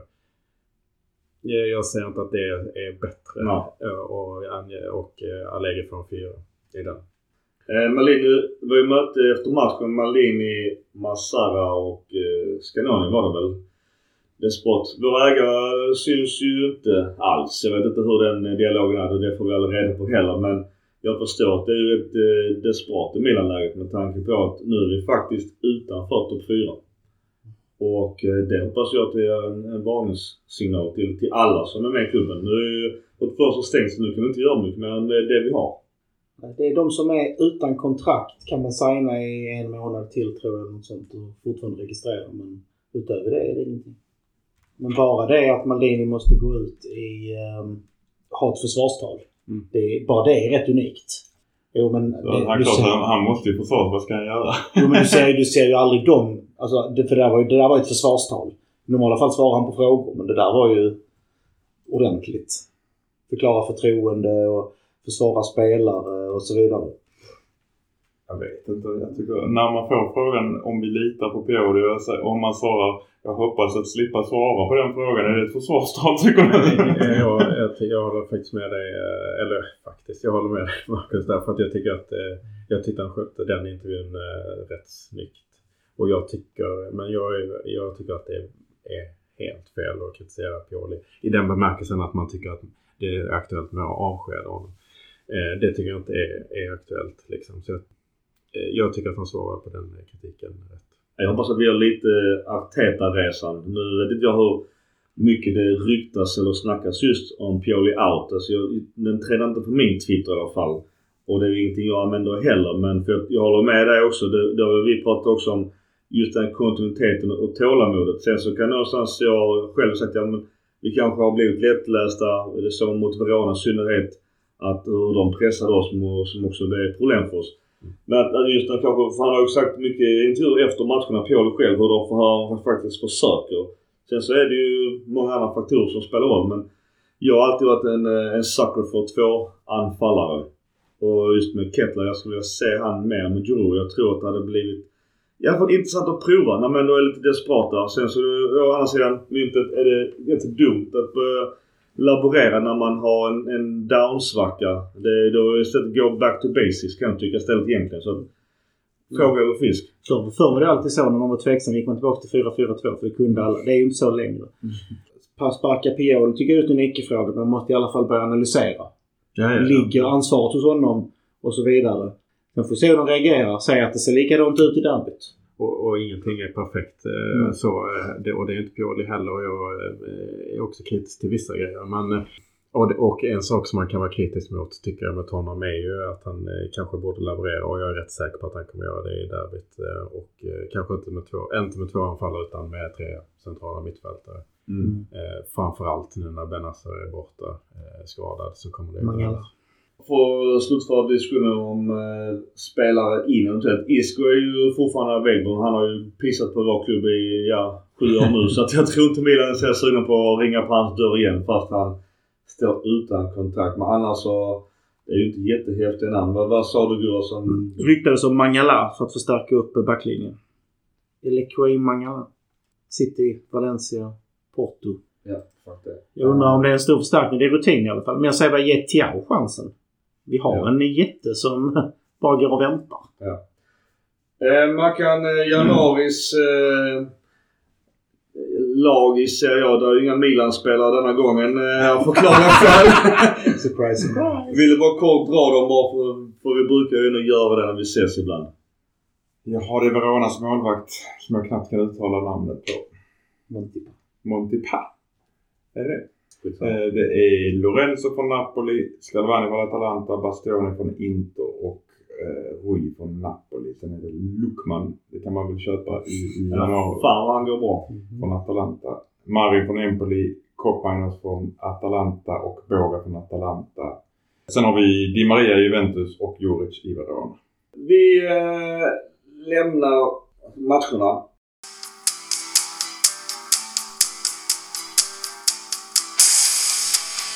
Kan vi ju säga att eh, inget avsnitt utan Zlatan. Vad säger du Mackan? Skador Zlatan? till skadorna att jag tycker att du hade en jättebra poäng. Att det handlar inte bara om att vi har för många skador utan det Hade jag en poäng, Gurra eller Andreas? Andreas, att vi har faktiskt skador på två spelare som har samma position. Ja. Och de är ju dubbelt jobbiga. Eh, Just nu har vi en Hernandez som kämpar. Men vi har ingen naturlig vänsterback. Utan då kör vi Dest där. Och han Balotelli blev skadad Han är och skadad. har sin Champions League-plats nu Mm. inför Tottenham. Så faktiskt Zlatan går in och tar. Och det är ju... Det måste ändå vara en indikation på att, att Zlatan faktiskt är på väg tillbaka på senaste jag läste idag är att han eh, troligtvis ska få några minuter i matchen, matchen innan Ja. Tottenham. Mm, Torino var riktigt mm. Ja. Andreas, vad säger du om Zlatan, vår svenska kompis? Kan man eh, skylla på att det går så dåligt på honom? Att det dåligt på grund av hans fel? Alla hyllar ju Zlatan när han inte spelade och vår inställning var så bra liksom. Och mentaliteten förmedlade han till laget. Men eh, det är ju lätt att göra med ett ungt lag när allting går bra. Men nu går det dåligt. Att ingen lyssnar på dem längre? Eller att det, var, att det är tomma ord? Jag menar att man överskattade kanske, eller det var kanske lite väl stort fokus på honom ibland. Eh, när det gick bra. Han spelar trots allt väldigt lite. Ehm, så det är lite mer raljant på det sättet. Men, eh, men eh, också lite eh, allvarligt menat att det är ju i alla fall de rutinerade spelarna. Sen är han ju inte hela tiden på plats nu i och med skadeproblematik sådär. Men det kanske där han borde vara nu. Ja. Han borde kanske, Man kan- efter man faktiskt lyfter lön från klubben. Ja. Jag, Så jag, borde kan han kanske vara i omklädningsrummet varenda jäkla match. Ja, och på bänken bortamatcher och- och allting. Ja. När det går dåligt. Absolut och det, eh, vi har sett de här, eh, en- in, säsongen innan skuletten så var det också, han var iväg på det här jävla melodifestivalen och liksom lämnar laget och tränar inte och sådär. Och så inspelning av Asterix och det var ju i ett avgörande skede av säsongen han lämnade laget då. Och jag, det var jag väldigt kritisk till då. Eh, och eh, på samma sätt kanske man kan motivera att han eh, borde vara på plats i vissa, ja, hjälpa till. Ja, vi var också kritiska just den här jävla festivalen i Italien. För det var ju... För det första var det en ganska pinsamt grej och man, man tänker att va, du är redan så jävla känd. Du har så mycket pengar, du behöver inte den skiten. Har ni läst hans bok? Inte Den senaste senast. boken. Nej. Han förklarar ju en hel del. Han, Är den bra? För någon- någon sa alltså, den, att det den var- är lättläst så inget av- Ja, Jag läste 170 sidor på en timme typ. Ja, okej. Så att det är inte, det är inte särskilt svårläst. Därför blev jag besviken på förra boken. så- Men den är intressant för att det faktiskt handlar om mycket i nutid. Ja. Eh, Men- men och han förklarar faktiskt varför han åkte på den här melodifestivalen. Är den värd att läsa? För boken är så jävla dålig. Ja, den är inte bra. det Min den. mamma tyckte förra boken var bra och jag bara så wow shit. Alltså ja den är så dålig. Jag tycker den här är mer intressant för att det här handlar om nutid och Milan. Och han, har, han skriver väldigt mycket bra. Skriver Alltså, om han, han, då? om sina känslor för Milan. Och han är öppen. Jag skulle egentligen gå till Napoli. Ja. Att han, han hymlar inte. Han, och det gör inte... Nej. Det vet vi att han inte gör. Men oavsett med Zlatan där då, alltså jag är, att han är en ledare, han är ett föredöme. Jag har sagt länge för in som assisterande. Ja. Och, och det, det här borde varit första steget. Som jag sa inne på, han borde varit på bänken varenda match. Han borde stått där i omklädningsrummet med Han borde backat Pioli och så vidare. Varför han inte gör det är jag faktiskt lite, lite förvånad över. Det kommer ett rykte på tal om han att eh, Milan är väl erbjuder honom någon form av ambassadörroll den dagen han lägger skorna på hyllan. Mm. Nu verkar ju det som vi sa förra avsnittet att han har gjort 990 matcher. Så att han kommer ju plocka 10 matcher till på något jävla sätt. Det är jag helt övertygad om. Mhm. Och har rätt många, han var också nära någon, någon Champions League. Det är väl, göra mål i Champions League blir han väl den äldsta Champions League-spelaren. Tar Tottis eh, rekord. På tal om böcker och filmer. Har ni sett Totti-filmen? Ja. Ja. Ja, svinbra. Man hatar ju Spalletti lite när efter man har sett den. Ja, Det gjorde jag innan men jag, det, det, kan- det kan jag tänka mig så det ska jag definitivt. Ja, jag gillar man Spalletti så jag, nej, jag ska inte spoila Ja, någonting men... eh, vidrigaste. Alltså jag tycker han, nej, jag gillar inte Conte heller men eh, Spalletti är... Alltså han är ju sånt, alltså han är sån narcissist. Det är så tydligt och, med, och jag tycker att det, folk ser, de ser inte igenom det, de som håller på klubbarna som han är. För att, Men har man sett eh, Totti-filmen så tror jag att det framgår tydligt. Om man inte men vet det är det innan. allting är för att framhålla sig själv Ja. liksom. Var det, Ja, här var, det? När jag tror, Nej, jag ska inte spoila om man inte sett den. Men, men se den. Den är en jävligt fin film. Alltså man... Alltså alla gillar ju Totti. Det är samma som alla gillar Maldini. Var som man håller på Roma och Milan. han, tapp, han tappar mig lite när han börjar spotta, spotta så håller på. Det Ja. måste jag ju säga faktiskt. Men Ja. det var på paus. Men Paus är ett as också. och är det någon som det var okej att göra? ja. Nej, fan vad ska jag säga om Zlatan? Jag, jag, jag är ju positiv till Zlatan. Jag hyllar alltid Zlatan eh, så länge han åker på festivaler. För det, det, det sa vi också att det var patetiskt. Men jag tror att hemskt nog i detta läge så behöver ju Milan en Zlatan i omklädningsrummet. Och kanske på plan, jag vet inte. Det är omöjligt att säga om hans status och fan den är liksom. Men det kan ju vara att han åker på en ny skada igen och då är det ju game over. Det, det, det tror jag till och med han förstår. Så att jag hoppas eh, att han måste ändå gå in med 100% för det skit av det också. Mm. Men jag tror faktiskt, eh, det, jag- ska verkligen inte säga att det är det sannolika, men att det kan vara så att han är jävligt bra när han kommer tillbaks. Alltså bättre än förra säsongen. För att förra säsongen så spelade han typ bara med, eh, den här månaden spelade han väldigt mycket. Han, han gjorde ju han gjorde det absolut bättre på eh, början, i början av säsongen. Men sen så kom den här månaden där inga andra spelare var Mm. friska i offensiven. Inga löpte runt omkring honom. Han hade ingen att leka med. Och han behövde spela hela tiden med det här knäproblemet. Han hade ju typ tumma Utan knä korsband liksom. liksom. Jag tror att han kan vara rätt mycket bättre än så. Eh, Många som har varit borta länge och rehabbat och som har fysisk form har ju kommit tillbaka. Det, kan, det kommer tappa lite i timing och sånt i början. ju. Men fys, fys, fysisk konk- är ju... Det är inte omöjligt att han kommer tillbaka till bättre fysisk form än han varit på många år. nej, jag, jag håller verkligen inte för mig. Om vi går tillbaka till fasta defensivt. Då har han ju Giroux roll när han tänker första stolpen ju. Mm. När han är med så är det ju absolut. Jag, jag, jag är säker på nu hypotetiskt.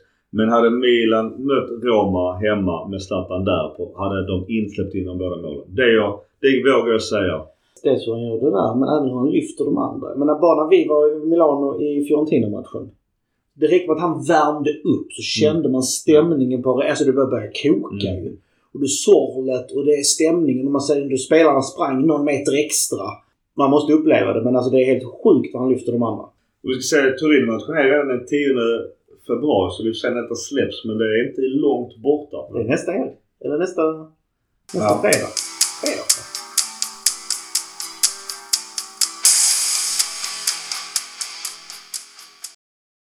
Vi glider över på matchen nu i helgen mot Inter. Den är tuff. Mackan, vi där... Antingen är det på den perfekta tidpunkten eller är det den värsta möjliga tidpunkten. Det finns inget mellanläge på den matchen. Man kan vara Kurva Syd, deras tuffa grabbar var, hade en banderoll utanför Milanello. Det är väl bara att kolla hur eh, kurvan stod upp i, i rum. Ja. Stod och sjöng i en halvtimme efter matchens slut trots att vi förlorade med 4-0. Ja, och till och med Roma på publik som blir imponerad av det ju. Också så. Och Sassuolo på den. Ja. Så att eh, laget har ju kvar stöd från fansen. Där, jag tror ju inte det är många som så jag är inne på din linje där. Varför ska vi sparka på det som har byggt upp laget? Från, Nej. Nej, jag- Min bild är väldigt mycket nära kurvan i många frågor. och eh, det, om man jämför, för anledningen till att jag tar upp det också är för att eh, när jag kollar på Twitter och kollar på folk som normalt sett är sansade så är det mycket så här, alltså Pioli måste lämna. Och har gjort det i flera matcher i rad nu. Jag förstår omständigheter, vissa omständigheter att det ser för jävligt ut och det är helt oroväckande resultat. Men eh, Men många börjar säga också på att Pioli bara har en brintid på ett visst antal månader. Ja. Den brintiden har han redan överbevisat. Så att jag Alltså, menar, jag- jag- vad har man att gå på idag? Jag fattar inte riktigt. Pioli Pioli är en helt annan tränare nu än han har varit tidigare. Eh, han efter... Eh, eh, åh, vad heter han som dog i Fiorentina? Herregud. Mittbacken. Ja, där står ja. David är precis. Det jag stå. Eh, sen han dog så har ju Pioli pratat om hur mycket, det var han som tränade Fiorentina då, hur mycket det förändrade honom och sin syn på laget, kontakt med spelare och sånt där. Först så var det att ja, men jag pratade med kaptenen ibland och han förmedlade budskap till truppen och sådär. Efter det så eh, blev det en helt annan grej eh, och han började se andra spelare. Han pratade med alla spelare, han såg deras behov och sånt där. Så att han har blivit en helt annan eh, eh, tränare efter det säger han och han har vuxit eh, inte bara som det utan även taktiskt tycker jag. Eh, och sitt sätt att prata. Jag eh, tycker att det alltid är intressant att lyssna på hans presskonferenser. Det är inte alla tränare som det är intressant att lyssna på. Jag är väldigt självkritisk. Jag Ja. tycker han, alltså analysförmågan. Jag försvarat Pioli, ja alltid skulle jag nästan, jag, ja det kanske är någon som kan slå på fingrarna på det. Pioli out där innan han kom. Nej, nej jag var inte där. nej jag var inte där. Jag tänkte bara så, där tänkte jag bara så. Hellre Pioli än just Spalletti som Ja, ja, ryktas ja, som vi störde. ja, ja, fy fan. Men Alltså, eh, jag- jag, jag, jag, jag, han har ju mycket tankar. Sen att inte det, det blir. Alltså, man kan ju spela schack och ha perfekt taktik och ändå förlora. Alltså det är lite så det känns när han i alla fall diskuterade efter match. Ja, och vi har sett en enorm utveckling i Milan också. Tyckte, som vi pratade om när då för han kom. Så matchcoachningen var lite så så. Men det har blivit bättre och bättre och bättre. Det enda som jag är inne, som var inne på innan. Det är om har han tappat omklädningsrummet. Då kan vi börja den diskussionen. Ja, men ja, inte annars. Nej, nej, jag håller helt med att det skulle vara den avgörande faktorn. Men jag, alltså jag tror verkligen inte det. Alltså vi har ett omklädningsrum som, eh, som eh, har liksom, de skapar den här Purely on Fire. Det var ju ett spelare som startade det. Det, är ju så, fan, det verkar ju vara en fantastisk stämning i laget. Inte just nu. Men, men att den skulle tappat så mycket på, på alltså vi snackar, när mötte vi Roma? Det är ju, det är ju Tre veckor sedan. det, är- det är ju bisarrt kort Ja. tid. Eh, det har hänt väldigt mycket hemska grejer på den eh, tiden. Men eh, innan, alltså att det skulle ändra så mycket på kort tid, det, Ja. det kan jag inte tänka mig. Men man kan, vad står det på den här bannern innan vi går vidare mot Intermatchen? Direkt översatt till engelska. Ja, det, Från italienska. Come on coach, come on boys. United for the good of Milan. Men det, det är ju ändå någonstans hoppas jag att det ger ändå positiva ringar på vattnet inför matchen mot Inter. Och jag vet också att det är ju, det är ju slutsålt såklart.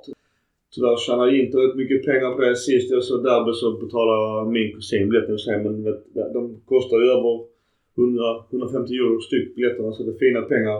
Men alltså jag, jag såg någon i en Milan-grupp som sålde dem för 2000 kronor styck. En svensk som hade, som hade tydligen köpt biljetter och ville bli av med dem. Två Ja. pappstyck så det, alltså de kostar inte 2000. Men det kan, det kan jag verkligen inte tänka mig. Det var ju- är inte omöjligt. det var är, det, är det slutsålt? Ja. Det är klart att du ska... ja. Ja, jo. Men för Milan då, vi får, vi, vi är våra kompisar där nere, de 8700 biljetter så att eh, det är ju som vanligt ett stort stöd för vårt lag.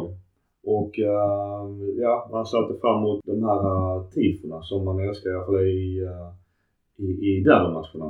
Och vi var inne lite på det innan att eh, vi kan bara ta, man kan, den förmodade startelvan mot Inter.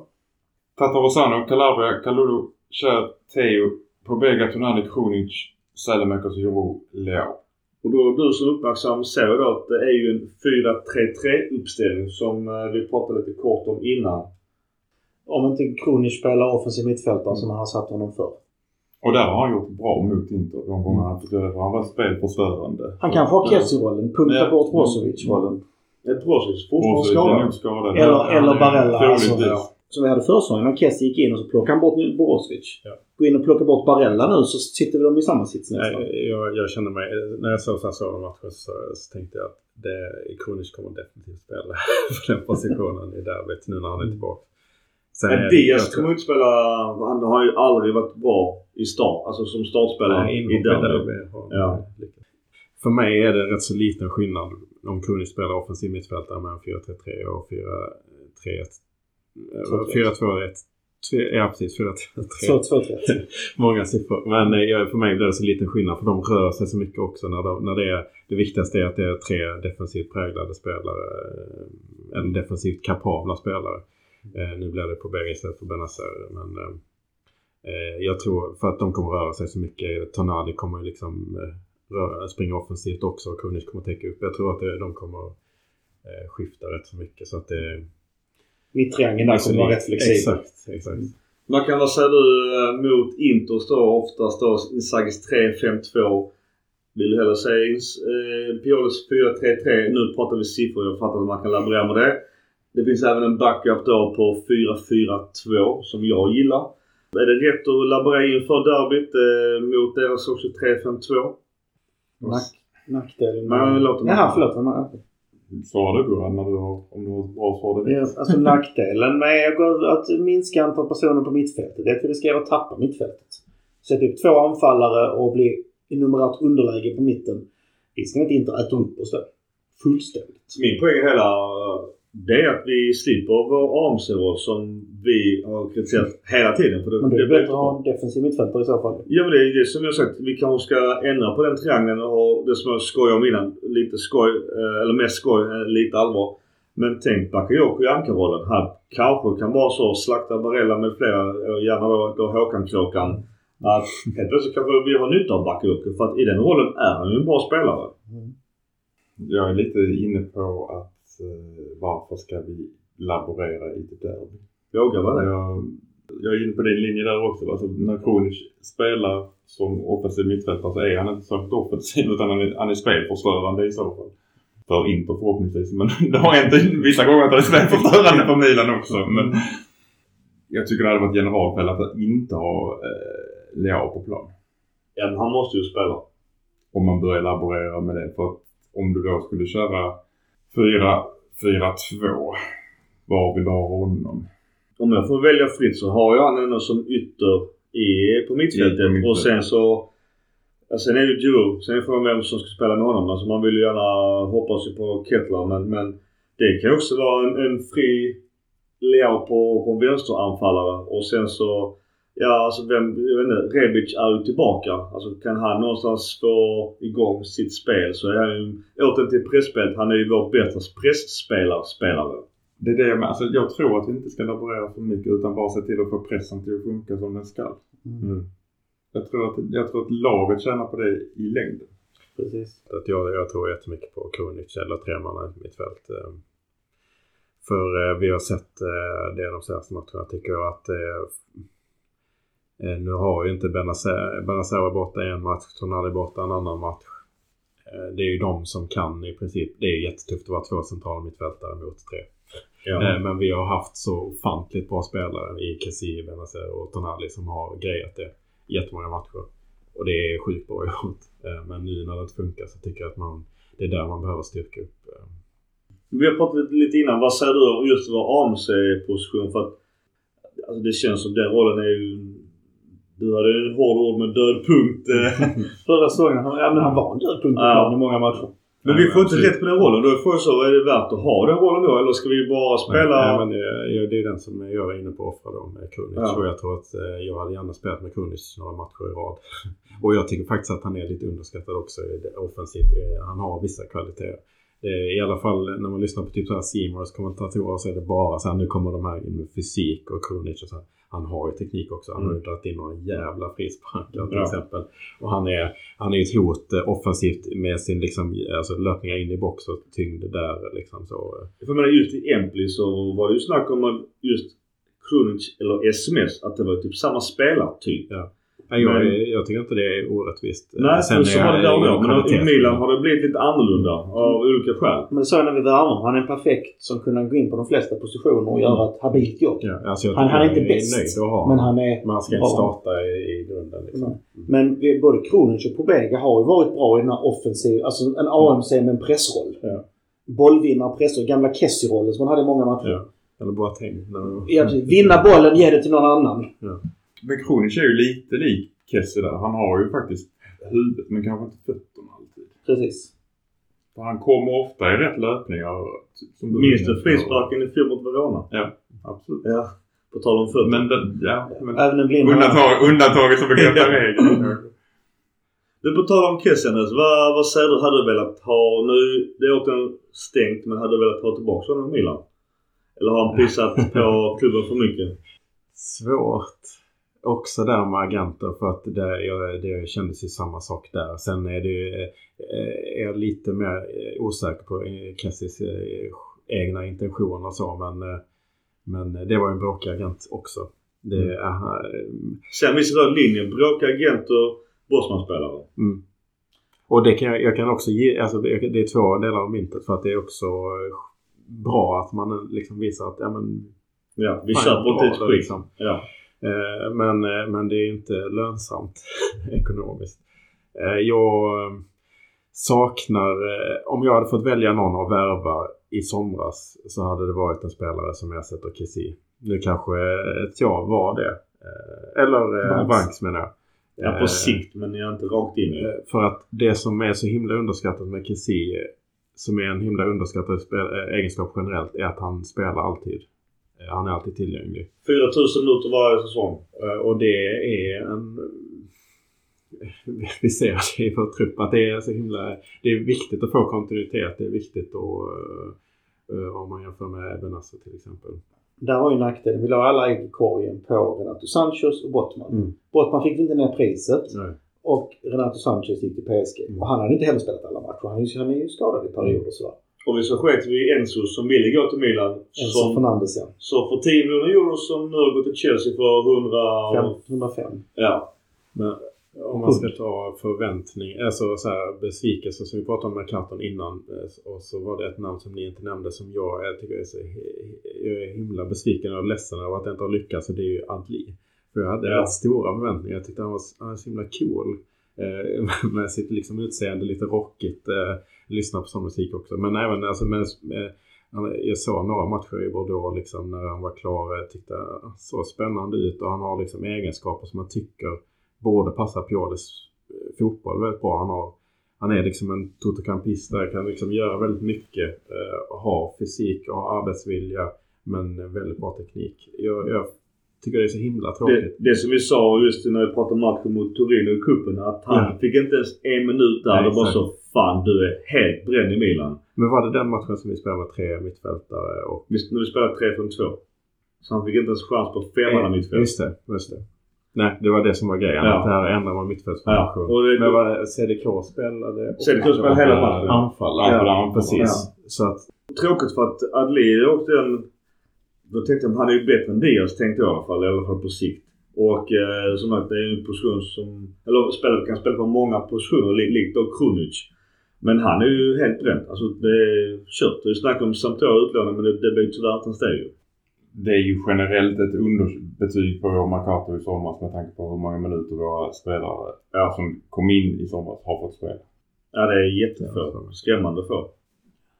Men det är Det är inte, det är inte bra. Men, men, men, men om vi går tillbaka sen, det var många chansningar. Det var många chansningar. Alltså, alltså CDK tycker jag inte, fortfarande inte var en chansning. Han har bevisat sig i Belgien och han kommer att komma igång. Men Origi till exempel, på bekostnad av någon annan. Att vi inte värvade en högerytter och litade på att Sellemäker skulle få någon nytändning. Jättechansning. Ja, men Moncada hade en, en, en, en intervju för ett tag sedan där han gick ut och förklarade hur man ser på talang i Frankrike och talang i Italien och att det är så stor skillnad för att du sätter press på talangerna i Italien att om de inte levererar direkt så är de i frysboxen i tre månader och sen får de chansen i en kvart och så gör de inget bra då, då är det frysboxen i en kvart igen. Medan man i Frankrike låter dem spela match ut, match in. Så de verkligen utvecklas. Och han sa att det är därför det kom, det är därför det kom många talanger från Frankrike just nu. För att de får chansen att utvecklas medan vi i Italien inte låter dem utvecklas. Det är synd att det inte återigen Och frågan är om vi, varför, varför köpa talanger om vi inte låter dem utvecklas? Ja. Och Eller de, och de, spelar, och de spelar inte primaveran heller. men, men Milan har ju utvecklats väldigt mycket också på den här tiden. Eh, Det finns ju inte tålamod. Och det här är- att folk vill att Pauli sparkas är också, kan man ju också se på att Milan har tagit sig till en helt annan nivå än det var för två år sedan. Mm. För då hade vi inte spelat Champions League för tio år. Liksom. Sen Eh, tror jag också man vill med ny ägare där man återigen kommunicerar att ja, vi vill eh, vad sa, vi vill vinna titlar och allt. Jag förstår att man säger det som ny ägare, det måste du säga. Men du vet, då måste ja men vill vi vinna titlar då måste vi göra som Malini sa. Vi behöver förstärka, alla har ju sagt, sagt hela tiden, högerytter. Vi behöver ha en ny anfallare. Uh, nu ser jag faktiskt att Juventus har lagt pris på, på Vlahovic. Nu nu är det inte aktuellt för Milan. Men 85 miljoner från Vlahovic hade jag, nu har inte jag de pengarna tyvärr, men jag hade gärna tagit det annars. Men det, min, min poäng är att Malini har ju så väldigt tydligt skyltat att vi behöver det här. Han var väldigt sugen på Bottman av förklarliga skäl. De har sett också nu Newcastle. Han går rätt in i Premier League och är enormt dominant. Och den ägarstrukturen, Elliot innan höll i pengarna för att de skulle sälja det. Nya med Gary då, han, han sitter på sin röv och gör ingenting. Tyvärr lite som du var inne på, jänkare. Men ni, ni glömmer ju bort att vi har gått med minus i 12 år. Ja. Vi går inte med plus nu ens. Och det bidrar ju också till eh, allt det här negativa. Alltså om man bara zoomar ut lite eh, så är det ju inte så himla illa just nu. Ehm, och då menar jag inte liksom, jag kommer från barnonkologen nu, det finns leukemi och sånt. Det är inte det jag menar, utan jag menar ur ett fotbollsperspektiv. Eh, alltså Inter är i kris, Juve är i kris ekonomiskt båda två. Vi har, eh, Eh, är jag tror det är fjärde störst lönebudget i Italien. Roma har liksom större lönebudget än vad vi har just nu. Eh, Juventus har typ dubbelt så stora löner som vi har. vi eh, har inte de ekonomiska förutsättningarna just nu men det går hela tiden åt den här riktningen och vi har unga spelare. Vi, vi, trots det här så har vi, eh, jag tror, den mest värdefulla truppen när man kollar på transfermarknadsvärderingar. Innan 23 var det. Eh, Efter 23 vet jag Nej, men Men alltså... det, går, men, det går ju verkligen åt men- rätt håll och kolla Ja. vad, vad Inter måste göra liksom för att hela tiden liksom, liksom hålla sig över ytan är att byta. Så de lånar in Lukaku, de kommer inte få några pengar. Alltså de, eh, de plockar in Dzeko som ersättare. Det är liksom det är inga långtidslösningar och de säljer all potential de har. Vi, eh, vi går ju verkligen åt det- det här, alltså uppåt ur ett lite större perspektiv. Och om vi bara bekräftar oss i Champions League så är det en väldigt bra eh, utveckling. Det är trots allt ett Napoli som ligger långt, långt före men de gör en otrolig säsong ur ett europeiskt perspektiv också. Så att eh, de, de hade liksom stått sig bra mot de bästa lagen i världen. Men det var ju som vi sa, alltså vi har inte så mycket sämre säsonger förra året egentligen sett till poäng. Mm. Men Napoli är helt bisarra. Ja. Men det man hade hoppats på nu i och med att, att någonting hade hänt. Alltså nu pratar vi inte att de skulle investeras 200 miljoner pund. Nej. Men en 20-30 Ja. för att kanske täppa, alltså få upp Nej, jag lite grann. med. Jag håller med. Det Och det hade inte sabbat ekonomin så pass mycket. Nej, Sett till vad en Champions League-miss kommer att kosta. Du, vi bara avrunda derbyt. Gurra, vad gissar du? Vad blir det i derbyt? Vi, vi är ju super underdogs. Ska jag gissa? Jag ingen Måste du, om du bättrar din lön, vad du satt på? 1-3. Alltså 3-1 till Inter. Ja, Andreas? Vi har ju en trend nu eh, i 2023 som är att vi släppte in ett mål mot Salernitana, två mål mot Roma, tre mål i Supercopa fyra, fyra mål mot Lazio, fem mål mot Sassuolo. Nej, Och fan, då har jobbig trappa. Då har vi sex eh, kvar i den här matchen och det har inte gjort sitt derby sen... Eller så går det åt eh, andra hållet. Bara fyra. Ja, precis. Tar en revansch på vår förra 16-vinst. För Exakt. många år sedan. Fy fan vad hemskt. 11 maj 2001. Ja. Undici Madu, Dumila Uno, Equella Klassisk, eh, Klassisk quizfråga. Vem gjorde Milans två första mål? Comandini. Ja. Micke har dragit det 18 gånger nu. Han är så jävla bra. Nej, det, jag tror inte att det blir... jag tror vi har sex mål. Jag pratar inte om resultat på det viset. Jag, jag, jag, har, jag sysslar mycket med spel men eh, om man kollar på oddsen så är ju Milan, eh, räknas inte som mer än 50% favorit. Eh, eh, alltså på resultat. Alltså att det är 50% på, på Inter ungefär 50% på antingen oavgjort eller Milan. Så de är stora favoriter. Eh, Jag var jättenegativ jag, kä- typ förra veckan och kände att det, är derby nästa helg. Liksom. Det är jag inte redo för. Men nu börjar det så här, i och med att förväntningarna ligger så mycket på Inter så börjar det kännas mer och mer bekvämt. Eh, så jag, har inte jag är inte helt eh, hopplös. Det var ett jävligt långt svar på vem vinner. Ja. Och, och vad tror du det blir för resultat? Ja, jag sysslar inte med, med resultat. Men jag, jag tror att... Eh, men det är ju frågan, är man nöjd med ett oavgjort resultat till exempel? Är det ett bra resultat för oss just nu? Det, är ju, det känns som man kastar, man slår tärning varje gång. Mackan, vad säger du? Derbyt? Vågar du gissa? Ska också hålla en utläggning. Nej men eh, jag är jäkligt glad att jag har småbarn. Jag hinner inte tänka så mycket på det som jag gjorde förr. Jag hade ont i magen i en vecka innan det där. Jag hoppas ju verkligen att vi vinner för att det kan vara otroligt viktigt för resten av säsongen. Jag tror nog att ett kryss är mer sannolikt. Jag tror Milan förlorar rätt så stort. Eh, spelmässigt i alla fall. Siffrmässigt vet jag inte. Men jag tror vi förlorar och jag tror tyvärr att eh, inte den trappan du pratar om Andreas, för den är ju hemsk. Eh, men att eh, det kommer att spä på eh, om det fanns tidigare just det här med att byta spelare och tränare med flera så, så tror jag det kommer att spä på ännu mer. Och jag tror att, att Pioli med flera har hänger upp på repen att inte kanske måste vinna derbyt. Men förlorar vi derbyt och åker ur mot Tottenham då, då tror jag att eh, det kommer bli mycket diskussioner om Piolis framtid. Även om man ser på helhets, helhetsperspektivet vad han har gjort och truppen kanske inte vill och sådär. Men det är återigen, då har vi jänkarägare som kanske går in och pekar med handen och säger att det här är inte bra nog. Missar vi Champions League han garanterad att åka. Det, det kan jag också någonstans diskutera där och då. Men, men eh, innan dess så tycker jag det är bara galenskap. Men jag bara säger att det kommer ju bli diskussioner på, på Twitter. Definitivt.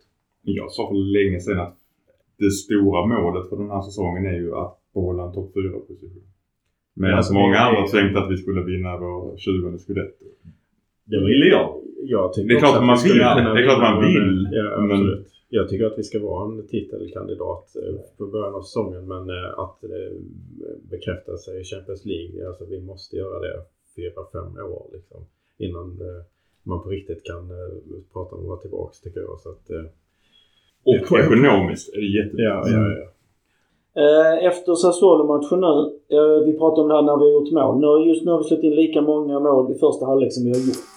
Vi har fortfarande gjort fler mål än släppt in i andra halvlek.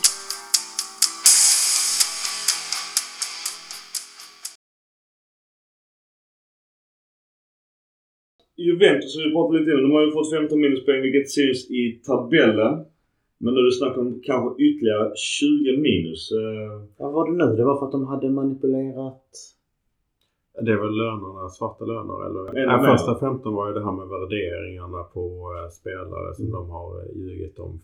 Och det är det här med att de är eh, aktieägda och liksom... Eh, Ja, kursen rusar. Då, då blir det lite, det är olagligt på, på det sättet. Så därför har de ju bevis då via avlyssning och sånt där. För, för vi har ju eh, den frågan i Napoli också med Osimhen som är helt eh, bisarr. Där har de inte liksom telefonavlyssningar som bevis men att han värderades så högt eh, och så, så skickade de liksom ungdomsspelare som ingen har talat om och ingen har sett spela i Frankrike sen de värderades till 10-20 miljoner var. Mm. Liksom. Det, det var ju så uppenbart för att liksom trissa upp priserna. Eller trissa upp värderingarna för, eh, och få rätta till böckerna enligt de här Financial Fair Play. Då. Det, det är i alla fall det jag har hört nu. Jag vet inte om det har kommit något de senaste dagarna men innan har det varit diskussionen av att det som var 15 poäng var att de hade lurat med de här plus Valencia att de hade fixat eh, Det stämmer. Det. det här. Och det som är nu är att de eh, betalar ut svarta löner eh, istället för... Roligt just vår gamla kompis har ju... Att han ligger och lite visselblåsare. 20 minus till till Juventus. Det, alltså, ja. Då ligger de sist i tabellen just nu och de får ytterligare 20 minus. Men jag, jag, är inte, jag vågar inte tro att det blir 15 poäng av det här från början. För man ska också komma ihåg att åklagaren eh, yrkade på typ 9 tror jag. Eh, Och att det blir mer än åklagaren yrkar med har aldrig hänt Nej. i Italien. Och det blir, mö- mönstret är alltid att de får lite mindre och sen så överklagar de och så blir det lite mindre. Ja. Alltså, det brukar ju vara så. Men det här läste jag att det var fast som antingen blir det 15 eller så blir det 0 poäng då. Okej. ja. Ja, så vinner, ja, det har jag också läst. Mm. Vinner de i en överklagan så blir det, då blir det inget av. Ja. Nej, på de första. På de första. Men de svarta lönerna är ju... Tror jag inte de kommer undan. Ja, Det tror inte jag heller. Om det finns bevis för det så har de ju faktiskt ljugit på ett sätt som är olagligt på... Det är inte bara, det är inte bara dåligt ur en sportslig synpunkt. Utan det är faktiskt olagligt.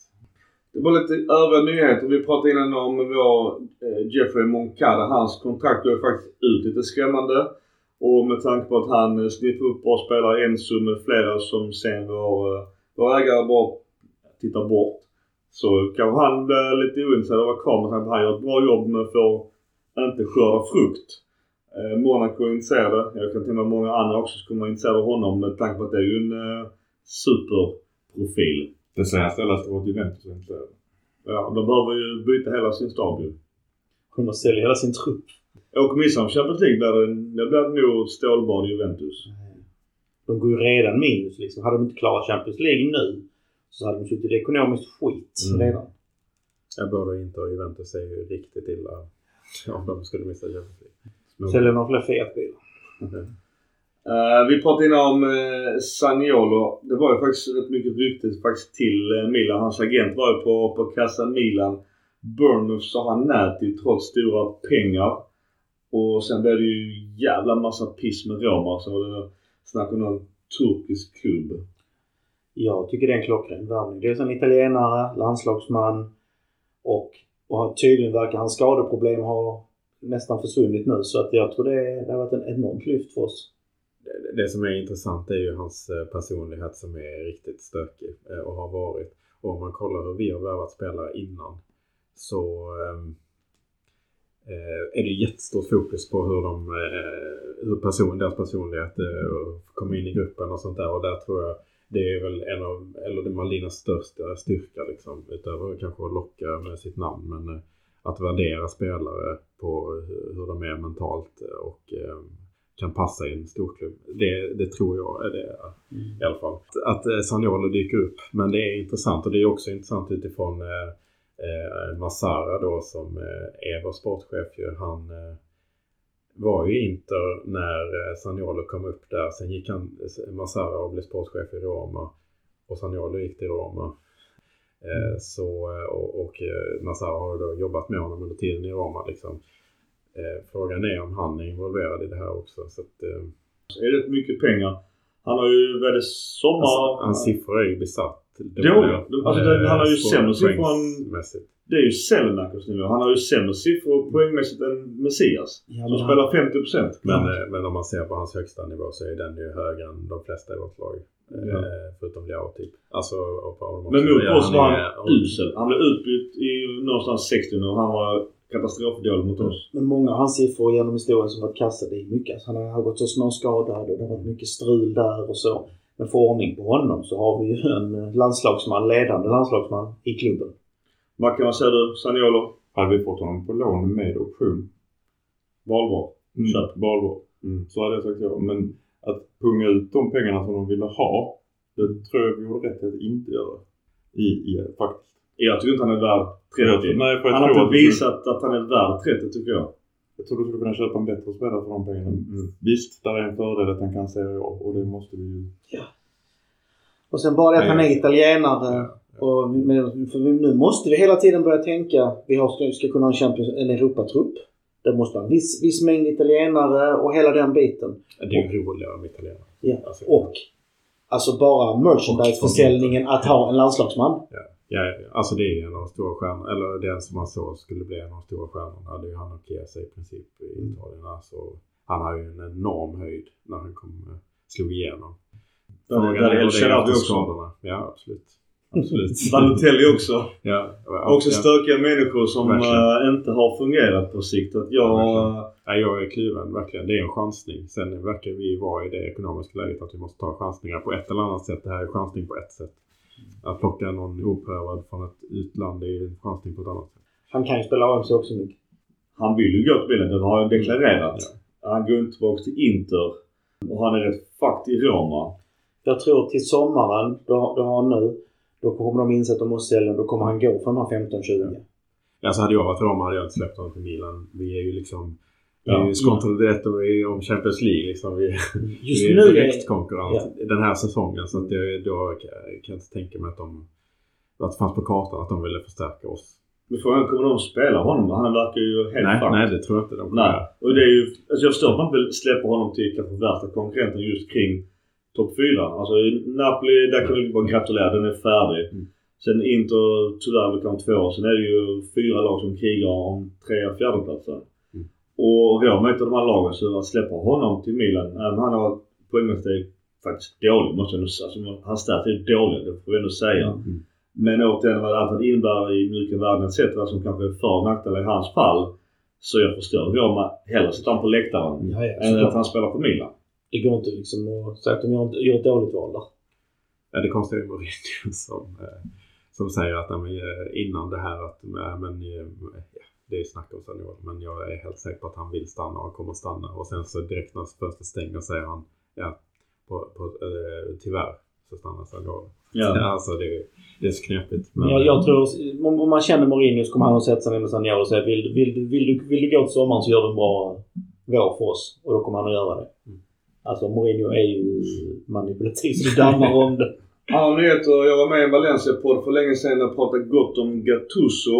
Uh, det gick ju riktigt dåligt för honom och hela Valencia. Ett poängsnitt på 1.18. Förvånad Mackan att han uh, blev sparkad i Valencia.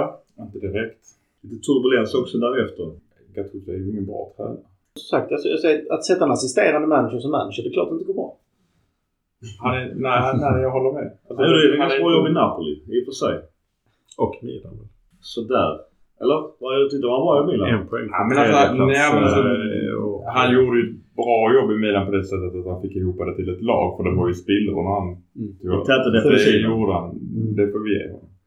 Och vi Mm. var en poäng från uh, Champions, eller från tredje plats. eh, nej, från andra plats va? Tror jag. Nej. Nej, Vi blev- vi blev femma. Vi blev femma. Vi missade med en poäng. Ja, en League. poäng. Det var det var en poäng från tredje plats var det och så, så var det Vi, vi var en kvart ifrån Champions League. Jag tänkte honom med en bra Och det var ju innan framför. vi plockade in liksom eh, Theo och, och eh, väl. Ja, och, ja, ja. och Benasser och sådär. Så att det, Då hade vi Rodriguez. sen, sen plockade vi in alla dem och sen så var det liksom en enorm succé att, eh, att nå Champions League-serien. Så att det är det som jag tycker är intressant med Gattuso är liksom alla de som vi... Men, men alltså herregud, jag är inte förvånad. att- Jag, jag säger inte att han är fantastisk på något sätt. Men, men eh, om, eh, de, alla de tränarna vi plockade upp. Det var liksom Pippo, det var Gattuso, det var, det var Cedorf. Om man bara tänker, ja, om man tänker så här i- förhand, vil- vilken av de här kommer att lyckas? Då har vi liksom någon som är ett spelgeni, eh, mittfältare liksom som, man, som alla tänker är Pirlo. de som, ja, ja just det.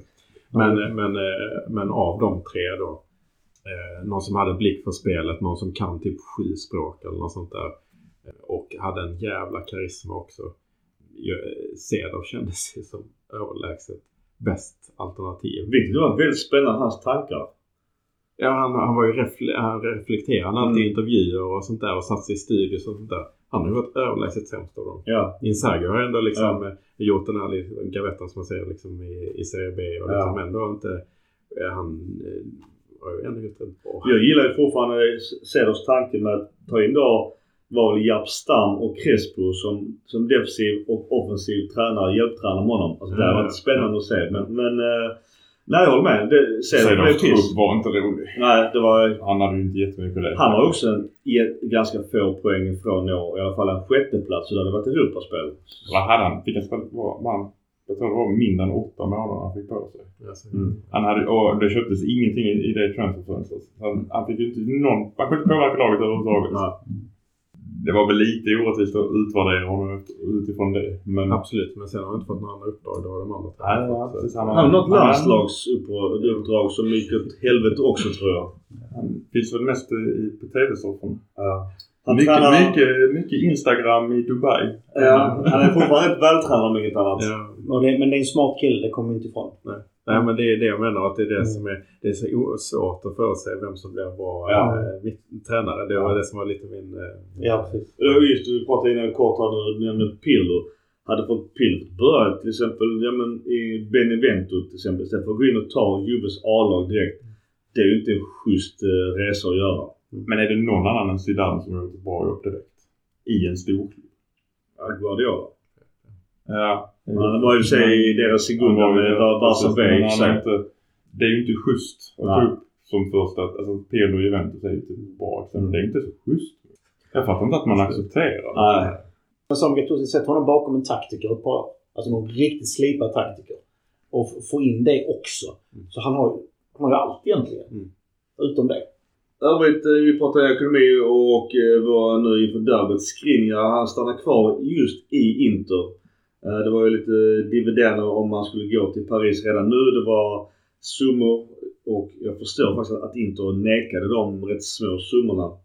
För att, ja, nu, lär de nå Champions League ändå men det handlar ju om vad har de i, vad, det Benfica eller Porto de hade sin match i Champions League och vinna den så är det, får de ju mer pengar än vad Paris erbjuder ändå. Så jag förstår Inter. Men det är lite kul för nu är de i samma sitt som har varit i. Att Skriniar kommer att gå som bossman i sommar. Eh, Kommer då deras sportchef få lika mycket skit som våra har fått är frågan. Och eh, du nämner ett annat namn, Mackan. Vårt gamla Milan-namn. Ja, det ryktas ju nu vem som ska ersätta honom. Och Jallo, Thiago Jallo. Vi hade väl honom i ett par veckor innan vi Ja. skeppade iväg honom igen en sommar. Också från Portugal. Vi tog honom. Ja, men det var väl vi, när vi köpte Leao som vi bytte ut.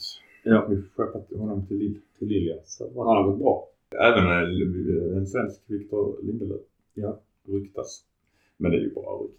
Man följer ju Milan rätt mycket mer än man följer Inter. Så är det så att vi har fått extremt mycket kritik för Kessie och Donnarumma Hacka. och Hakan. Eller hade det varit lika mycket i andra klubbar? Förstår ni vad jag menar? Alltså, Ja, det är ju tre dominerande startspelare. Även även vi eller mindre släppte Hakan faktiskt. Vi var inte jättesugna på att ge han de fem miljonerna av förklarliga skäl. Det är inte det, är inte det att Maldini gör ett dåligt jobb, men det är mer en besvikelse för att vi inte får någonting för det. Ja, Donnarumma är värd 80 och vi får noll. Det är klart som fan man blir lack. Alltså det är jobbigt att se offentlig ekonomi som vi, vi krigar om. Eh, men du, vi vänder då till sista.